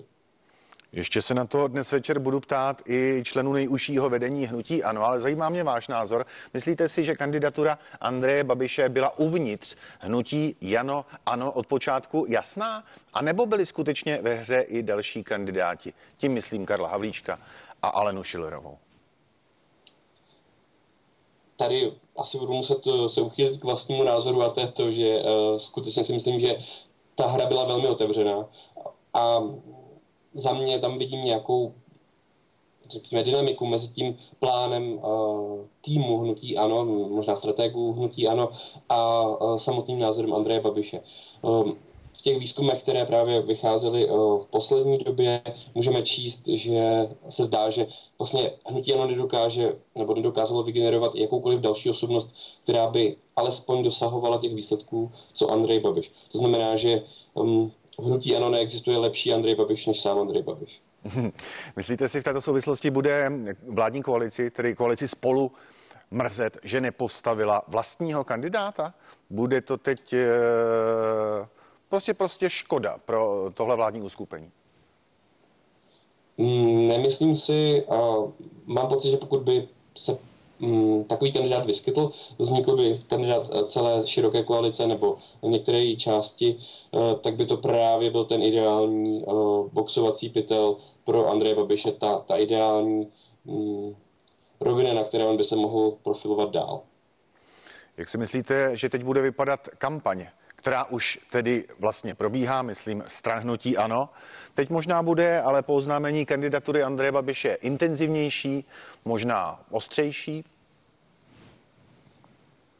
Očekával bych, že bude dost možná osobnější, bude hodně zaměřená právě na osobnost Andreje Babiše a očekával bych, eh, to, co bych očekával, jedna z těch věcí, kterou bych očekával, je, eh, že půjde o nějaký revival toho ano, bude líp, něco ve smyslu právě já vás provedu tou hrůzou, co nás čeká, nebo ve které vás vláda právě nechává, když budu parafrázovat to, co se zdá, že uh, tým Andreje Babiše bude tlačit jako jedno z těch hlavních hesel.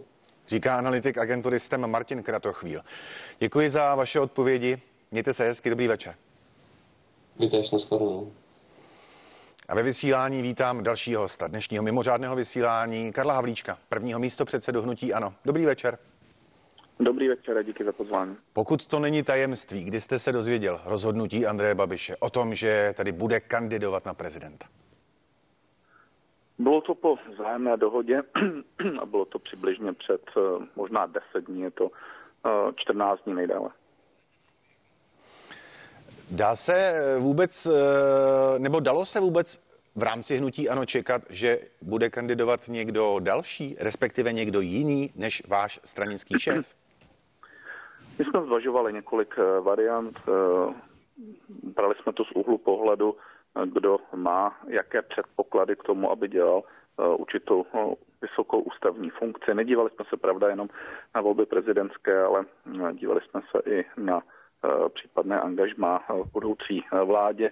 Dívali jsme se samozřejmě i na určité preference, no a pochopitelně Eh, rovněž eh, na to, jaké kdo má předpoklady eh, s ohledem na určité zkušenosti. Vyvažovali jsme to samozřejmě tím, že jsme chtěli, aby kandidát hnutí ANO na prezidenta byl člověk s ekonomickým a hospodářským rozhledem, protože to podle našeho názoru bude nesmírně důležité, když se podíváme na současné vysoké ústavní činitele, tak tam jsou buď profesoři, učitelé nebo čistě politici Eh, málo kdo, nebo prakticky nikdo nemá ten ekonomický rozměr, když tady neberu pana prezidenta Zemana, který ale eh, končí. Takže eh, to si myslím, že jsou důležité argumenty pro to rozhodování a proto jsme nakonec rozhodli podle mého názoru velmi racionálně takto. Umožněte nám ještě, prosím, pane místo předsedo, eh, jakýsi pohled do zákulisí a pokud můžete říct, jak těžké bylo to rozhodování, jak možná vyhrocené bylo to rozhodování eh, v rámci nejužšího vedení hnutí ANO, kdo tedy nakonec za hnutí ANO bude skutečně kandidovat. Nebylo tam nic vůbec, vůbec vyhroceného. My jsme se na to opravdu pragmaticky dívali tak, aby eh, to byl ten nejzkušenější z nás, ten, který má určitou šanci já jsem nikdy nezastíral to, že jsem chtěl, aby eh, to byl pan eh, Babiš, protože jsem toho názoru, že by to měl dělat člověk, který to má jako vyvrcholení své politické kariéry a to on splňuje bez zbytku. Navíc jsem i toho názoru, aby to byl člověk, který je politicky známý a zkušený a pan Babiš byl úspěšným ministrem financí, byl úspěšným premiérem, navíc ve velmi krizové době takže svým způsobem je to, je to logický krok. Jakkoliv chápu to, že eh, každá silná osobnost má své příznivce, má i eh, odpůrce, ale to konečně měl i eh, pan prezident Zeman. A sám Andrej Babiš chtěl kandidovat na prezidenta, nebo jste ho museli nějakým způsobem přesvědčovat, přemlouvat? Jak to bylo? Tak kdyby nechtěl, tak by nekandidoval samozřejmě. Ano, takže, takže samozřejmě je to, je, to, je to tak, že Eh, to rozhodnutí finální bylo eh, na něm, ale on je zkušený člověk, takže si myslím, že eh, jsme to diskutovali docela, docela dlouho a že jsme dali na misky vach všechny možné plusy i mínusy. My si uvědomujeme to, že nejde do těch voleb jako favorit, což ale z mého pohledu je možná i určitá výhoda a v každém případě on je bojovník a pro lidi je to čitelná osoba, to si myslím, že je hrozně důležité, to znamená, že v, tam nebude žádné překvapení. A lidé vědí, co od ní mohou očekávat, lidé vědí, o koho se jedná. A myslím si, že v daném případě to je člověk, který bez zbytku splňuje to, co pravděpodobně drží většina lidí u nás a to je to, aby to byl člověk, který není vytažen z nějakého klobouku, ale aby věděli, co od něj mohou očekávat. A podle mého názoru i lidé u nás chtějí politika daleko více než někoho, kdo je vytažen ať už z akademického prostředí nebo, nebo třeba z nějakého armádního prostředí. Vy sám jste, pane místo předsedo, teď zmínil, že Andrej Babiš nejde do této volby jako úplně jasný favorit. Alespoň tak zhruba jste to před chvilinkou eh, formuloval. Podle průzkumu by Andrej Babiš eh, ve druhém kole prohrál prakticky s každým protikandidátem. Podle průzkumu. Zajímá mě, jak chcete tento pohled veřejnosti změnit. Určitě, tak eh, i proto jsem říkal, že eh, nejde jako eh, favorit. Na druhou stranu, na druhé kolo je šance poměrně slušná a popravdě řečeno v tom druhém kole se to všechno, všechno trochu mění, protože záleží na tom, kdo by byl případně tím dalším, kdyby se tam pan Babiš dostal jedna věc. Druhá věc je ta, že rozhodují potom třeba i diskuze, rozhoduje okamžitá atmosféra ve společnosti a to všechno eh, se eh, do značné míry může změnit do té doby. Vzpomeňme si, když eh, v tuto dobu kandidoval pan prezident Zeman před pěti lety, pokud se nepletu, tak byl pan Drahoš jasným favoritem a dokonce i v těch druhých kolech nebo v tom druhém kole se nedávalo panu Zemanovi příliš mnoho šancí a nakonec vyhrál, takže já si myslím, že potom je to všechno otevřené a bude to férové klání. Ano, všechno je otevřené mnoho věcí se jistě může změnit. Když už jste zmínil prezidenta Miloše Zemana, Andrej Babiš s ním dnes jednal. Zajímá mě, jestli Andrej Babiš jako prezidentský kandidát má podporu současného prezidenta, jestli se ta podpora třeba nějak projeví i v rámci volební kampaně. Eh, nevím, eh, o čem byla ta dnešní diskuze, jestli se dohodli nebo nedohodli eh, na tom, že by tam případná podpora byla, takže to je spíš otázka na pana prezidenta Zemana. Andrej Babišovi je vytýkáno, že svým způsobem rozděluje společnost, podobně jako třeba Miloš Zeman. Proč jste třeba v rámci hnutí Ano nenašli někoho, kdo je, řekněme, přijatelnější pro větší část občanů České republiky? Tak každá silná osobnost trochu rozděluje a popravdě řečeno o tom je politika. No, jak si pokud budeme mít politiky eh, pouze ty, které Eh, budeme vnímat jako ti, které absolutně neroz, nerozdělují společnost, tak je otázka, jestli taky někdo bude, eh, bude eh, znát, takže každá osobnost má prostě své plusy a mínusy a o co je to osobnost výraznější, silnější, tak o to více má svých příznivců, ale taky o to více má svých svých odpůrců nebo, nebo oponentů, takže to v dané chvíli si myslím, že nemusí být to, co bude úplně rozhodovat, protože když se podíváme do minulosti, tak naše, naši prezidenti minimálně tedy ty poslední dva, u pana eh, prezidenta Havla to bylo něco trošku přece jenom jiného, když byl volen, no. tak to bylo v jiné atmosféře. Eh, tak to jsou taky výrazné osobnosti, které někdo může říct, že rozdělují, rozdělují společnost. Já si myslím, že v politice to není nic nenormálního. Rozumím. Přece každý politik má někoho, kdo mu fandí a zase někoho, kdo mu nefandí. Díky za tuto odpověď. Karl Havlíček, první místo předseda Hnutí Ano. Teď hostem našeho večerního vysílání. Děkuji za rozhovor, mějte se hezky. Moc krát děkuji a přeji všem hezký večer. A náš další host, ekonomka a především kandidátka na prezidentský úřad Danuše Nerudová. Dobrý večer. Dobrý večer. Jednoduše mě zajímá, co na tuto zprávu říkáte. Jestli je to pro vás překvapení.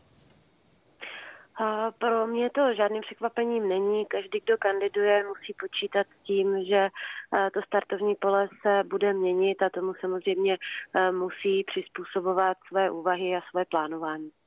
Vaše preference v poslední době podle průzkumu stoupají. Myslíte si, že vám uškodí, že se do boje o křeslo prezidenta přidal další silný soupeř, Andrej Babiš? Naopak, já si myslím, že to je pro mě eh, velkou výhodou, protože já na rozdíl od eh, ostatních kandidátů bych se ráda skutečně zaměřovala na budoucnost, eh, netáhnu si žádnou kouli u nohy. Byla bych ráda, aby ta diskuze, aby ta volební kampaň byla vedena o tom, jakou zemi a jakou společnost chceme mít. Ráda bych tu diskuzi vedla o tom, že bychom už neměli mít prezidenta, eh, který bude naši zemi rozdělovat takovým způsobem, že spolu, že spolu nebudou mluvit sousedé a rodiny. Eh, ráda bych skutečně, abychom si představili, jako, jak bude naše společnost ze země vypadat za pět let, že to bude společnost, která bude odolávat krizím, že to bude společnost vzdělaná, že to bude společnost moderní, sociálně soudržná, že to bude společnost, kde bude mít každý úctu a respekt. Prostě společnost, eh, kde se bude každému dobře žít a jako máma eh, dětí bych si přála, aby v té společnosti našli zastání i mladí eh, a aby se hovořilo i o jejich tématech. Mě zajímá, jak zareagujete na tu skutečnost, že Andrej Babiš oficiálně oznámil svou kandidaturu, aby si občané vybrali vás a nebo třeba tedy ne André Babiše. Jak změníte svou kampaň, případně strategii, pokud můžete prozradit? Já eh, strategii ani kampaň nezměním, protože od začátku deklaruji, že se nechci zabývat minulostí, ale že chci diskutovat o budoucnosti, že chci diskutovat o tom, jak naši společnost zlepšit. Eh, příští rok bude pro nás velmi složitý. Eh, prezident by měl rozumět ekonomice, měl by mít představu, jak řešit ekonomickou krizi, kterou máme a bude ještě horší, protože ta letošní zima se nějak zvládne, ale ta příští příští eh, bude těžší. Takže moje kampaň se eh, v žádném ohledu nezmění, protože to jsou všechno věci, na které kladu důraz eh, od začátku kampaně. Andrej Babiš o vás řekl, že jste nevýrazná dáma bez jasného názoru na cokoliv důležitého. A teď jsem citoval. Jak se budete bránit proti podobným výrokům nebo přímo tedy proti této kritice? Víte, já si myslím, že prezident by měl mít určitý nadhled a měl by být velkorysý. Pokud si to myslí pan Babiš, tak ať si to myslí, ale uvidíme, co na to řeknou voliči a jaké preference budou mít voliči. Vy v boji o hrad dáváte důraz na to, že jste ekonomka, Andrej Babiš je bývalý minister financí, tak není možné, že na ekonomická témata najdete třeba i společnou řeč? Já si nemyslím, že bych s panem Babišem mi našla společnou řeč na ekonomická témata, protože on je většinou zastánce jednoduchých řešení na eh, složité problémy, velmi často i populistických. Eh, já takovým zastáncem nejsem. Já eh, volím taková řešení, které společnosti přinesou dlouhodobý užitek a myslím skutečně na budoucnost a myslím na budoucí generace a jako máma myslím na to, v jaké zemi budou žít naše děti, takže v tomto my se asi nezhodneme. Každopádně, když byl Andrej Babiš českým premiérem, vy jste vedla komisi pro spravedlivé důchody, tak eh, předpokládám, že jste se setkali pracovně, že se pracovně znáte z této roviny. Zajímá mě, eh, jak eh, se vám komunikuje s Andrejem Babišem a případně jak se těšíte, pokud tak mohu formulovat, na televizní debaty. Já si vážím každé konstruktivní diskuze, naše rozhovory o důchodové reformě někdy byly konstruktivní, někdy byly méně konstruktivní. Já se samozřejmě na všechny televizní debaty velmi těším a doufám, že se jich budou kandidáti účastnit. My vás na ně pochopitelně budeme zvát. Ještě poslední otázka. Koho z těch současných kandidátů vy osobně považujete za nejsilnějšího soupeře? Já si vážím uh, každého kandidáta, který kandiduje, protože to vyžaduje velkou dávku odvahy. Uh, to, který bude nejsilnější, tak to teprve ukáže čas. Danuše Nerudová, teď hostem našeho mimořádného večerního vysílání. Děkuji za rozhovor a hezký večer. Díky za pozvání. Naschledanou. A na kandidaturu Andreje Babiše už reagují i jeho další soupeři a jejich podporovatelé. Začínáme lídrem předvolebních průzkumů, tedy Petrem Pavlem. Podle něj přinese Babiš do debat oživení, ale jeho kandidaturu celkově vnímá jako hrozbu pro Českou republiku. Vzhledem k intenzivní palebné přípravě, které v posledních týdnech čelím, mě nakonec ani nepřekvapuje, že do toho Andrej Babiš jde. Osobně se těším, že do debat vnese určité oživení ale obecně jeho kandidaturu považuji za hrozbu pro Českou republiku. A to kvůli populismu, který zosobňuje. A další prezidentský kandidát okomentoval kandidaturu Andreje Babiše na svém Twitteru, a to Pavel Fischer. V příspěvku napsal, že k tomu může poznamenat jediné svoboda, demokracie, budoucnost. Andrej Babiš právě oznámil svou kandidaturu. K tomu mohu poznamenat jediné svoboda, demokracie, budoucnost. Kandidovat na prezidenta může každý, kdo splní formální kritéria. Tak na kandidaturu Andreje Babiše reagoval ministr vnitra, taky předseda hnutí Stan Vít Rakušan. Ani starostové v rámci vládní koalice nenašli svého stranického prezidentského kandidáta. Kandidovat na prezidenta může každý, kdo splní formální kritéria. Andrej Babiš ta kritéria jistě splní. Co splnit nemůže, jsou morální kritéria spjatá s nejvyšší ústavní funkcí. Věřím, že mu to voliči vysvětlí. Rozhodnutí Andreje Babiše kandidovat na prezidenta republiky mě nijak nepřekvapilo. Svoji hybridní kampaň vede už půl roku a konečně to přiznal. Mám k tomu jediný komentář. V demokratických zemích obžalovaný politik odchází.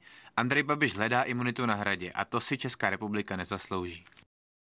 Andrejovi Babišovi chybí jakákoliv sebereflexe či úcta k úřadu prezidenta, kam by se neměl mimo jiné drát lhář souzený za podvody. Ten člověk prostě nemá soudnost. A naše speciální vysílání bude tady na CNN Prima News za chvíli pokračovat, jak změní kandidatura Andreje Babiše prezidentské klání. Živě se spojíme za chvíli třeba s Tomiem Okamurou a přidáme i názory expertů už za chvíli. Tak nás dál sledujte. Dobrý večer.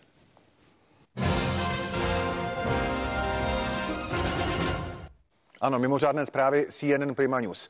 Bývalý premiér Andrej Babiš oznámil svou kandidaturu na prezidenta.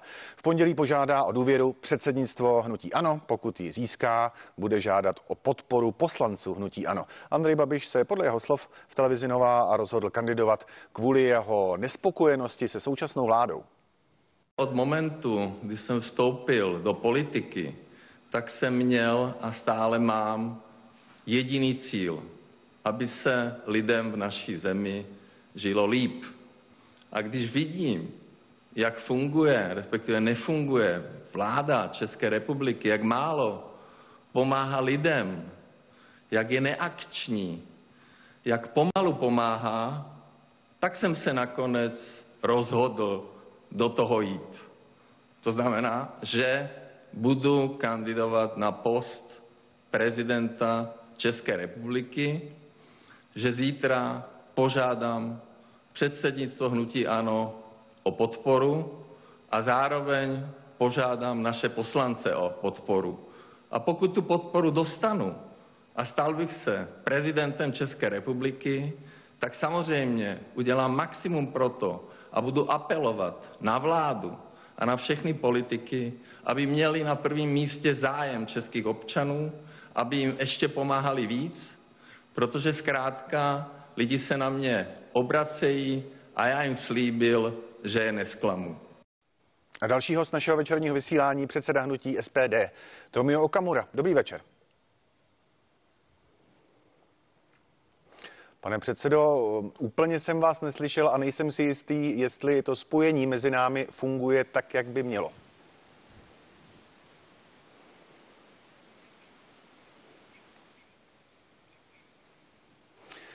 Případně zrevidujte své spojení přes Skype, především to, abychom vás slyšeli. A teď naše spojení na chvíli přeruším a využiju toho, že vedle mě sedí náš politický reporter Jan Socha. Dobrý večer, Jene i tobě. Pěkný večer. Spolu se jistě slyšet budeme velmi dobře. Zajímá mě, jak to bylo eh, s Babišovými prohlášeními o kandidatuře v minulosti. Ono to totiž mělo jistý vývoj. Ano, ono to vlastně celé začalo po sněmovních volbách eh, v roce 2001, 2021, pardon, eh, ve kterých vlastně, po kterých se hnutí ano dostalo do vlády. Po těch volbách vlastně Andrej Babiš na tuto otázku, jestli by se stal někdy prezidentem či nikoliv, eh, neodpověděl tak, eh, že eh, ano nebo ne. On to nikdy nevyvrátil veřejně a vlastně už po těch volbách připustil, že pokud bych snad lidé začali sbírat nějaké petiční archy, tak že by, toho, že by do toho možná šel. Ten důležitý moment, nebo důležitý moment přišel vlastně po začátku letošního roku, kdy Andrej Babiš měl určité zdravotní potíže. V té době to téma vlastně pro něj nebylo na místě, zda teda bude kandidovat či nebude. Nicméně poté se zotavil úspěšně a opět tady padaly otázky ze strany novinářů, zda bude kandidovat či nebude. On říkal, že se musí poradit se svou manželkou, se svou rodinou, protože uh, říkal, že vlastně jeho rodina nebyla ráda, uh, že šel do politiky, uh, že jí to poškodilo. Pak eh, do toho vstoupil prezident Miloš Zeman, který několikrát zopakoval, že pokud by Andrej Babiš kandidoval, takže by ho podpořil a dokonce řekl, že by si i přál to, aby Andrej Babiš kandidoval. Nicméně oni mezi sebou měli určité spory po volbách, protože Andrej Babiš eh, odmítl to, že pokud by ho eh, prezident Miloš Zeman, který jsem nikdy netajil s tím, že je pro něj, je pro něj ten, kdo by měl být eh, premiérem, eh, tak eh, vlastně mu řekl, že by ho teda podpořil, jak, jak už jsem o tom mluvil. Potom do toho promluvil vlastně i soud uh, ohledně Čapího hnízda, hmm. který začal v září. Vlastně Andrej Babiš na tu otázku, zda teda bude kandidovat či nebude, řekl, že to oznámí až na poslední chvíli tím datem měl být 28. říjen, on to pak několikrát měnil, pak řekl, že to oznámí 27. října v předvečer, pak zase 26. kvůli tomu, že eh, nevycházejí eh, noviny. Nakonec skončil v izolaci, všechno bylo jinak a dneska jsme se teda dozvěděli to, že bude kandidovat. Ještě možná bych Chce dodal... říct, nakonec ano. to oznámil 30 října. 30. října, přesně tak. Dnes večer. Dnes Jan večer. Socha, náš politický reporter, jen ještě prosím nikam neodcházej. Já teď navážu na to, co jsem říkal před chvílí předseda hnutí SPD. Tomio Okamura, teď hostem našeho večerního vysílání. Doufám, že teď už se slyšíme. Dobrý večer ještě jedno. Dobrý večer vám divákům. Slyšíme. Překvapilo vás, pane předsedo, rozhodnutí Andreje Babiše o tom, že tedy bude kandidovat? Tak eh, mě to upřímně řečeno až tak nepřekvapilo, protože poté, co víme, že se ve sněmovně chystá nový zákon, aby členové budoucí vlády museli mít eh, lustrační osvědčení, negativní lustrační osvědčení, tak v podstatě Andrej Babišovi by se z tohoto pohledu uzavřela, eh, uzavřel vstup do příští vlády jako premiérovi.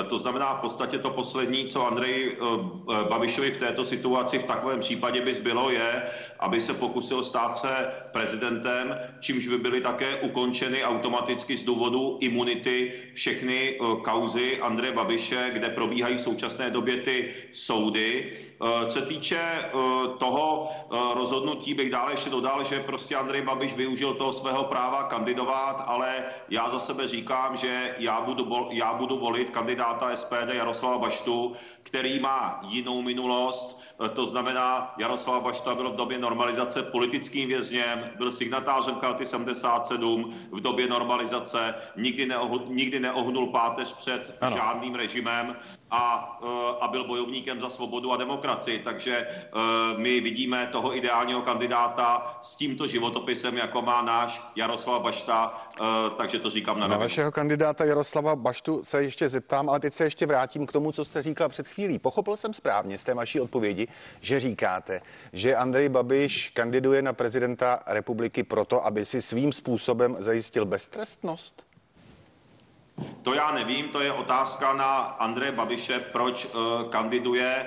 Uh, za sebe říkám, že uh, Andrej Babiš je člověk, který rád řídí věci, rád samozřejmě no, ovlivňuje věci. Samozřejmě tu ambici mám e, i já, i má hnutí SPD, abychom se přímo účastnili vlády a prosazovali program, takže to není nic špatného. E, ale z tohoto pohledu, jak jsem říkal, ty karty začínají být rozdané tak ve sněmovně, že v podstatě by bylo znemožněno, aby Andrej Babiš byl e, premiérem, to znamená v podstatě to, co mu zbývá i vzhledem k tomu, co teďka probíhá kolem něj, ten soudní proces a tak dále. Já nevím, jestli je vinen či nevinný, to musí rozhodnout soud, ale samozřejmě z tohoto pohledu ta prezidentská kandidatura by pro něj případný úspěch byl jednoznačně, pro něj by to bylo řešení celé jeho záležitosti. To, to, tak to myslím je evidentní, to víme všichni, ale eh, jestli je to ta pohnutka, proč kandiduje, anebo není, eh, to je otázka na Andreje Babiše. Slíbil jsem, že se vrátím k vašemu kandidátovi a tímto tak činím. Vaše hnutí tedy postavilo vlastního kandidáta Jaroslava Baštu. Je pro něj expremiérova nominace na křeslo prezidenta dobrou nebo špatnou zprávou, nebo je to jedno? tak eh, já si myslím, že eh, je to z hlediska těch životopisů kandidátů, já si myslím, že se to hodně vyjasnilo, protože na jednu stranu jedním z favoritů je Petr Pavel, který se eh, školil na v podstatě agenta, agenta, agenta pod STB, a je to člověk, který spolupracoval s bývalým normalizačním režimem, prostě otevřeně s ním spolupracoval. Pak je tady Andrej Babiš, u kterého stále není vyjasněno, zdali tedy byl agentem nebo ne, uh, on říká něco, někdo říká něco, člověk už se v tom nevyzná, tak by bylo dobré, aby už to taky konečně někdo rozhodl, aby byl klid. No a pak proti ním je tady člověk Jaroslav Bašta, který nikdy neohnul páteř před žádným režimem, prokazatelně bojoval celý život za svobodu demokracii, za své názory, byl dokonce dva a půl roku ve vězení v době normalizace, zatímco někteří jiní kandidáti naopak otevřeně spolupracovali s tím režimem. No a ještě byl ještě Jaroslav Bašta, jeden z prvních signatářů Charty 77, eh, dizident, následně ministr, dvojnásobný velvyslanec České republiky, jak v Rusku, tak na Ukrajině, ano. spisovatel, eh, takže sou, současný poslanec SPD. Takže eh, já si myslím, že občané občané mají teďka jasné porovnání těch jednotlivých životopisů toho, eh, co by ten kandidát měl eh, Rozumím. podle občanů splňovat, to už, eh, to, to už si vyhodnotí občané a uvidíme. Každopádně vy jako hnutí jste spolu s hnutím ANO v opozici, oslovujete, řekněme, podobné voliče. A tak mě zajímá, je pro vás v případě úspěchu Andreje Babiše v prvním kole právě Andrej Babiš tím, koho by vaše strana, a tedy vaši voliči, koho byste podpořili? Tak eh, já tady odmítám eh, absolutně tuhletu spekulaci, protože my uděláme všechno pro to, aby do druhého kola se dostal náš kandidát Jaroslav Bašta, který, který jednoznačně tím svým morálním kreditem a slušností podle mého názoru převyšuje ostatní kandidáty, protože to prokázal i tím, že přestože byl uvězněn za své názory a jako student byl uvězněn dva a půl roku, to chci zdůraznit, eh, mimochodem nikdy nebyl ani členem KSČ, tak, tak samozřejmě nerezignoval a bojoval dál za svobodu a demokracii pro všechny. Rozumím. Tak já si myslím, že to, to je ten ideální kandidát a my uděláme... I když já jsem se ptal, se pane předsedo, promiňte, na něco trochu jiného. Předseda SPD Tomio Okamura, teď naším hostem. Velmi vám děkuji za rozhovor, mějte se hezky. Děkuji, ale já jsem vám odpověděl, pane redaktore, protože A to je dobře. Eh, my, my předpokládáme, že uděláme všechno pro to, aby Jaroslav Bašta byl v druhém kole. Budeme tohle klání Děkuju. pochopitelně sledovat. Ještě jednou díky a dobrý večer. No, Jan Děkuju, Socha. večer, mějte se hezky a děkuji. Jan Socha, náš politický reporter, se mnou stále ve studiu, což jsem velmi rád. Eh, mluvíme tu dnes o skutečnosti, že Andrej Babiš vyhlásil svou kandidaturu na prezidenta České republiky a tak je vlastně úplně jednoduchá otázka, jaké šance. Podle toho, jak eh, sleduješ i ostatní kandidáty a dění kolem nich, jaké šance podle tebe Andrej Babiš má a jak těžkým bude soupeřem pro ty ostatní. Tak určitě jeho straničtí kolegové mluví o tom, že to je nejvlivnější a nejviditelnější politická osobnost v rámci České republiky. Nicméně je zajímavé vidět, jak ty šance jeho se projevovaly v tom čase, kdy se vlastně o té kandidatuře mluvilo. On byl považovaný od začátku, i když tu kandidaturu vlastně neoznámil, za favorita i v těch všelijakých průzkumech, i podle sáskových kanceláří. Nicméně postupně s tím, jak kolem toho neustále, eh, jak, to nechtěl vlastně potvrdit, tak eh, eh, mu ty preference klesaly, postupně se dostal až na druhé místo, přeskočil ho Petr Pavel, který v tuto chvíli podle těch průzkumů je považovaný za favorita. Dokonce i v některých průzkumech ho přeskočila Danuše Nerudová. Pak je tady další průzkum, který říká, že pokud by se Andrej Babiš dostal do druhého kola, tak by ho vlastně prakticky porazili všichni ostatní kandidáti.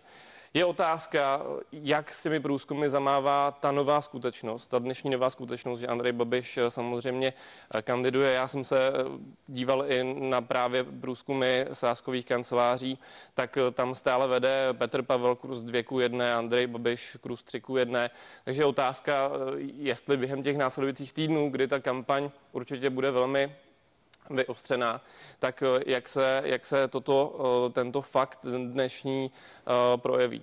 Ještě další věc, Jenek, která mě zajímá, reagují na to dnešní Babišovo ohlášení kandidatury i další čeští politici, tedy kromě těch, které už jsme slyšeli v našem mimořádném vysílání?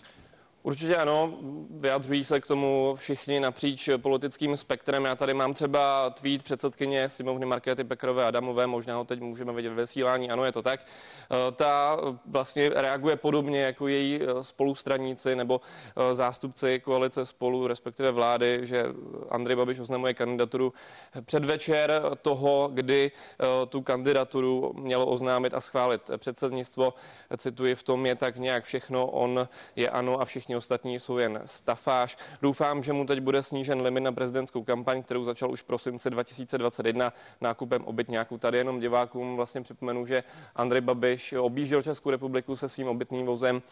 E, nikdy neřekl, že to je prezidentská kampaň, ačkoliv podle některých komentátorů, odborníků, to znaky a politiků, tak to znaky e, prezidentské kampaně mělo. Tady třeba senátorka Miroslava Němcová ta tady píše na Twitteru, cituji opět, Babiš ohlásil kandidaturu na hrad, podle Havlíčka se mělo v ANO o kandidátovi hlasovat zítra, tak kdo ví, možná to ANO vedení ještě zruší. Ne, je to taková trošku ironická poznámka na to zítřejší jednání předsednictva, které řekněme si to na rovinu, formálně potvrdí to a schválí to, že Andrej Babiš bude oficiálním kandidátem za hnutí ANO. Ano, to jednání bude, dá se důvodně předpokládat spíš jenom formální. Jan Socha, náš politický reporter, díky zatím. Díky, hezký večer. A na kandidaturu Andreje Babiše už reagují jeho soupeři i jejich podporovatelé. Začínáme lídrem předvolebních průzkumů, tedy Petrem Pavlem. Podle něj přinese Andrej Babiš do debat oživení, ale jeho kandidaturu celkově vnímá jako hrozbu pro Českou republiku. Vzhledem k intenzivní palebné přípravě, které v posledních týdnech čelím, mě nakonec ani nepřekvapuje, že do toho Andrej Babiš jde. Osobně se těším, že do debat vnese určité oživení, ale obecně jeho kandidaturu považuji za hrozbu pro Českou republiku. A to kvůli populismu, který zosobňuje. Kandidátka na prezidentku Danuše Nerudová Babišovu kandidaturu vnímá jako výhodu. Řekla to v našem vysílání, dodala, že svou kampaň měnit nebude a že je jeho kandidatura nějak nepřekvapila kdo kandiduje, musí počítat s tím, že eh, to startovní pole se bude měnit a tomu samozřejmě eh, musí přizpůsobovat své úvahy a své plánování. Vaše preference v poslední době podle průzkumu stoupají. Myslíte si, že vám uškodí, že se do boje o křeslo prezidenta přidal další silný soupeř, Andrej Babiš? Naopak, já si myslím, že to je pro mě eh, velkou výhodou, protože já na rozdíl od eh, ostatních kandidátů bych se ráda skutečně zaměřovala na budoucnost, eh, netáhnu si žádnou kouli u nohy. Byla bych ráda, aby ta diskuze, aby ta volební kampaň byla vedená o tom, jakou zemi a jakou společnost chceme mít. Ráda bych tu diskuzi vedla o tom, že bychom už neměli mít prezidenta, který bude naši zemi rozdělovat takovým způsobem, že spolu, že spolu nebudou mluvit sousedé a rodiny. Ráda bych skutečně, abychom si představili, jako, jak bude naše společnost ze země vypadat za pět let, že to bude společnost, která bude odolávat krizím, že to bude společnost vzdělaná, že to bude společnost moderní, sociálně soudržná, že to bude společnost, kde bude mít každý úctu a respekt. Prostě společnost, kde se bude každému dobře žít a jako máma eh, dětí bych si přála, aby v té společnosti našli zastání i mladí, a aby se hovořilo i o jejich tématech. Strategii ani kampaň nezměním, protože od začátku deklaruji, že se nechci zabývat minulostí, ale že chci diskutovat o budoucnosti, že chci diskutovat o tom, jak naši společnost zlepšit. Příští rok bude pro nás velmi složitý. Prezident by měl rozumět ekonomice, měl by mít představu, jak řešit ekonomickou krizi, kterou máme a bude ještě horší, protože ta letošní letošní zima se nějak zvládne, ale ta příští eh, bude těžší. Takže moje kampaň se eh, v žádném ohledu nezmění, protože to jsou všechno věci, na které kladu důraz eh, od začátku kampaně. A další prezidentský kandidát okomentoval kandidaturu Andreje Babiše na svém Twitteru, a to Pavel Fischer. V příspěvku napsal, že k tomu může poznamenat jediné. Svoboda, demokracie, budoucnost. Andrej Babiš právě oznámil svou kandidaturu. K tomu mohu poznamenat jediné. Svoboda, demokracie, budoucnost. Kandidovat na prezidenta může každý, kdo splní formální kritéria. Tak na kandidaturu Andreje Babiše reagoval ministr vnitra taky předseda hnutí Stan Vítra Kušan. Ani starostové v rámci vládní koalice nenašli svého stranického prezidentského kandidáta. Kandidovat na prezidenta může každý, kdo splní formální kritéria. Andrej Babiš ta kritéria jistě splní. Co splnit nemůže, jsou morální kritéria spjatá s nejvyšší ústavní funkcí. Věřím, že mu to voliči vysvětlí. Rozhodnutí Andreje Babiše kandidovat na prezidenta republiky mě nijak nepřekvapilo. Svoji hybridní kampaň vede už půl roku a konečně to přiznal. Mám k tomu jediný komentář. V demokratických zemích obžalovaný politik odchází. Andrej Babiš hledá imunitu na hradě a to si Česká republika nezaslouží. Andrejovi Babišovi chybí jakákoliv sebereflexe či úcta k úřadu prezidenta, kam by se neměl mimo jiné drát lhář souzený za podvody. Ten člověk prostě nemá soudnost. Kandidatura Andreje Babiše překvapila předsedu poslaneckého klubu KDU ČSL Marka Výborného. Podle něj celé hnutí ano stojí jen za Andrejem Babišem, řekl to v našem vysílání. Dodal, že očekával, že oznámení s kandidaturou přijde až po projednání se členy hnutí ano. Já jsem přece jenom očekával, že i v této věci Andrej Babiš eh, počká na jednání hnutí ANO. Jenom to ukazuje to, že eh, celý ten eh, projekt hnutí ANO stojí a padá s jedním jediným člověkem a to je Andrej Babiš. Já si nedovedu představit, že by v jakékoliv standardní politické straně byla tato věc oznámena bez projednání a schválení v orgánech té strany samotné. Takže Eh, to snad jenom poznámka k tomu, že jsem očekával, že to oznámení přijde zítra. Já respektuji právo eh, každého, kdo splňuje eh, ústavu stanovená kritéria kandidovat v prezidentské volbě.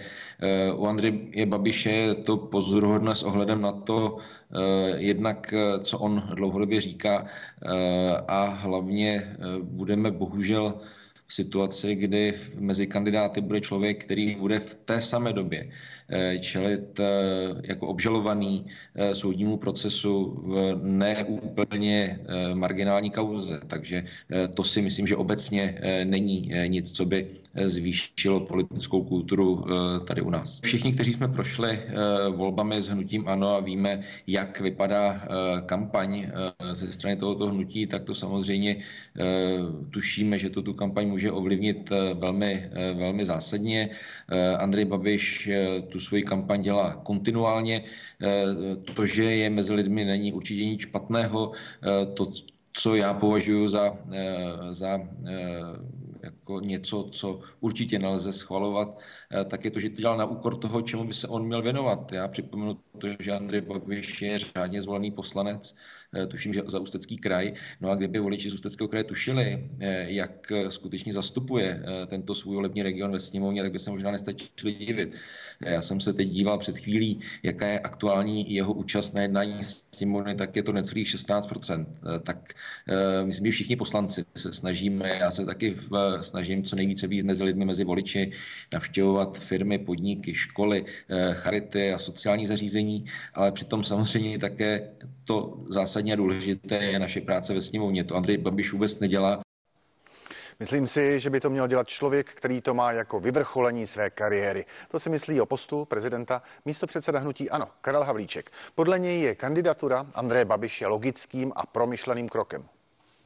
Brali jsme to z úhlu pohledu, kdo má jaké předpoklady k tomu, aby dělal určitou uh, vysokou ústavní funkci. Nedívali jsme se, pravda, jenom na volby prezidentské, ale uh, dívali jsme se i na případné angažma v budoucí vládě. Dívali jsme se samozřejmě i na určité preference, no a pochopitelně rovněž na to, jaké kdo má předpoklady s ohledem na určité zkušenosti. Vyvažovali jsme to samozřejmě tím, že jsme Eh, chtěli, aby eh, kandidát hnutí ANO na prezidenta byl člověk s ekonomickým a hospodářským rozhledem, eh, protože to podle našeho názoru bude nesmírně důležité, když se podíváme na současné vysoké ústavní činitele, tak tam jsou buď profesoři, učitelé nebo čistě politici. Málo kdo, nebo prakticky nikdo nemá ten ekonomický rozměr, když tady neberu pana prezidenta Zemana, který ale končí. Takže to si myslím, že jsou důležité argumenty pro to rozhodování a proto jsme nakonec rozhodli podle mého názoru velmi racionálně. Nebylo tam nic vůbec, vůbec vyhroceného. My jsme se na to opravdu pragmaticky dívali tak, aby eh, to byl ten eh, nejzkušenější z nás, ten, eh, který má určitou šanci. Já jsem nikdy nezastíral to, že jsem chtěl, aby to byl pan Babiš, protože jsem toho názoru, že by to měl dělat člověk, který to má jako vyvrcholení své politické kariéry a to on splňuje bez zbytku. Navíc jsem i toho názoru, aby to byl člověk, který je politicky známý a zkušený a pan Babiš byl úspěšným ministrem financí, byl úspěšným premiérem, navíc ve velmi krizové době takže svým způsobem je to, je to logický krok, jakkoliv chápu to, že eh, každá silná osobnost má své příznivce, má i eh, odpůrce, ale to konečně měl i eh, pan prezident Zeman. Kdyby nechtěl, tak by nekandidoval samozřejmě. Ano, takže, logicky, takže samozřejmě je to, je, to, je to tak, že to rozhodnutí finální bylo na něm, ale on je zkušený člověk, takže si myslím, že jsme to diskutovali docela, docela dlouho a že jsme dali na misky vah všechny možné plusy i mínusy si uvědomujeme to, že eh, nejde do těch voleb jako favorit, což ale z mého pohledu je možná i určitá eh, výhoda. Přidáme ještě další názor. Byla stále menší pravděpodobnost, že Andrej Babiš do kandidatury půjde. Proti byla řada racionálních důvodů, jako výsledky průzkumu nebo soud kolem Čapího hnízda. Ale bývalý premiér se považuje za bojovníka, prostě to zkusí a uvidí. To v našem vysílání řekl komentátor Miroslav Korecký. Několik měsíců dopředu eh, se domníval, že čím, čím dál menší pravděpodobnost, že je, že Andrej Babiš do té volby půjde, a, protože řada racionálních důvodů hovořila proti tomu, jak průzkumy, tak jeho soud ohledně Čapího nízda, tak další věci.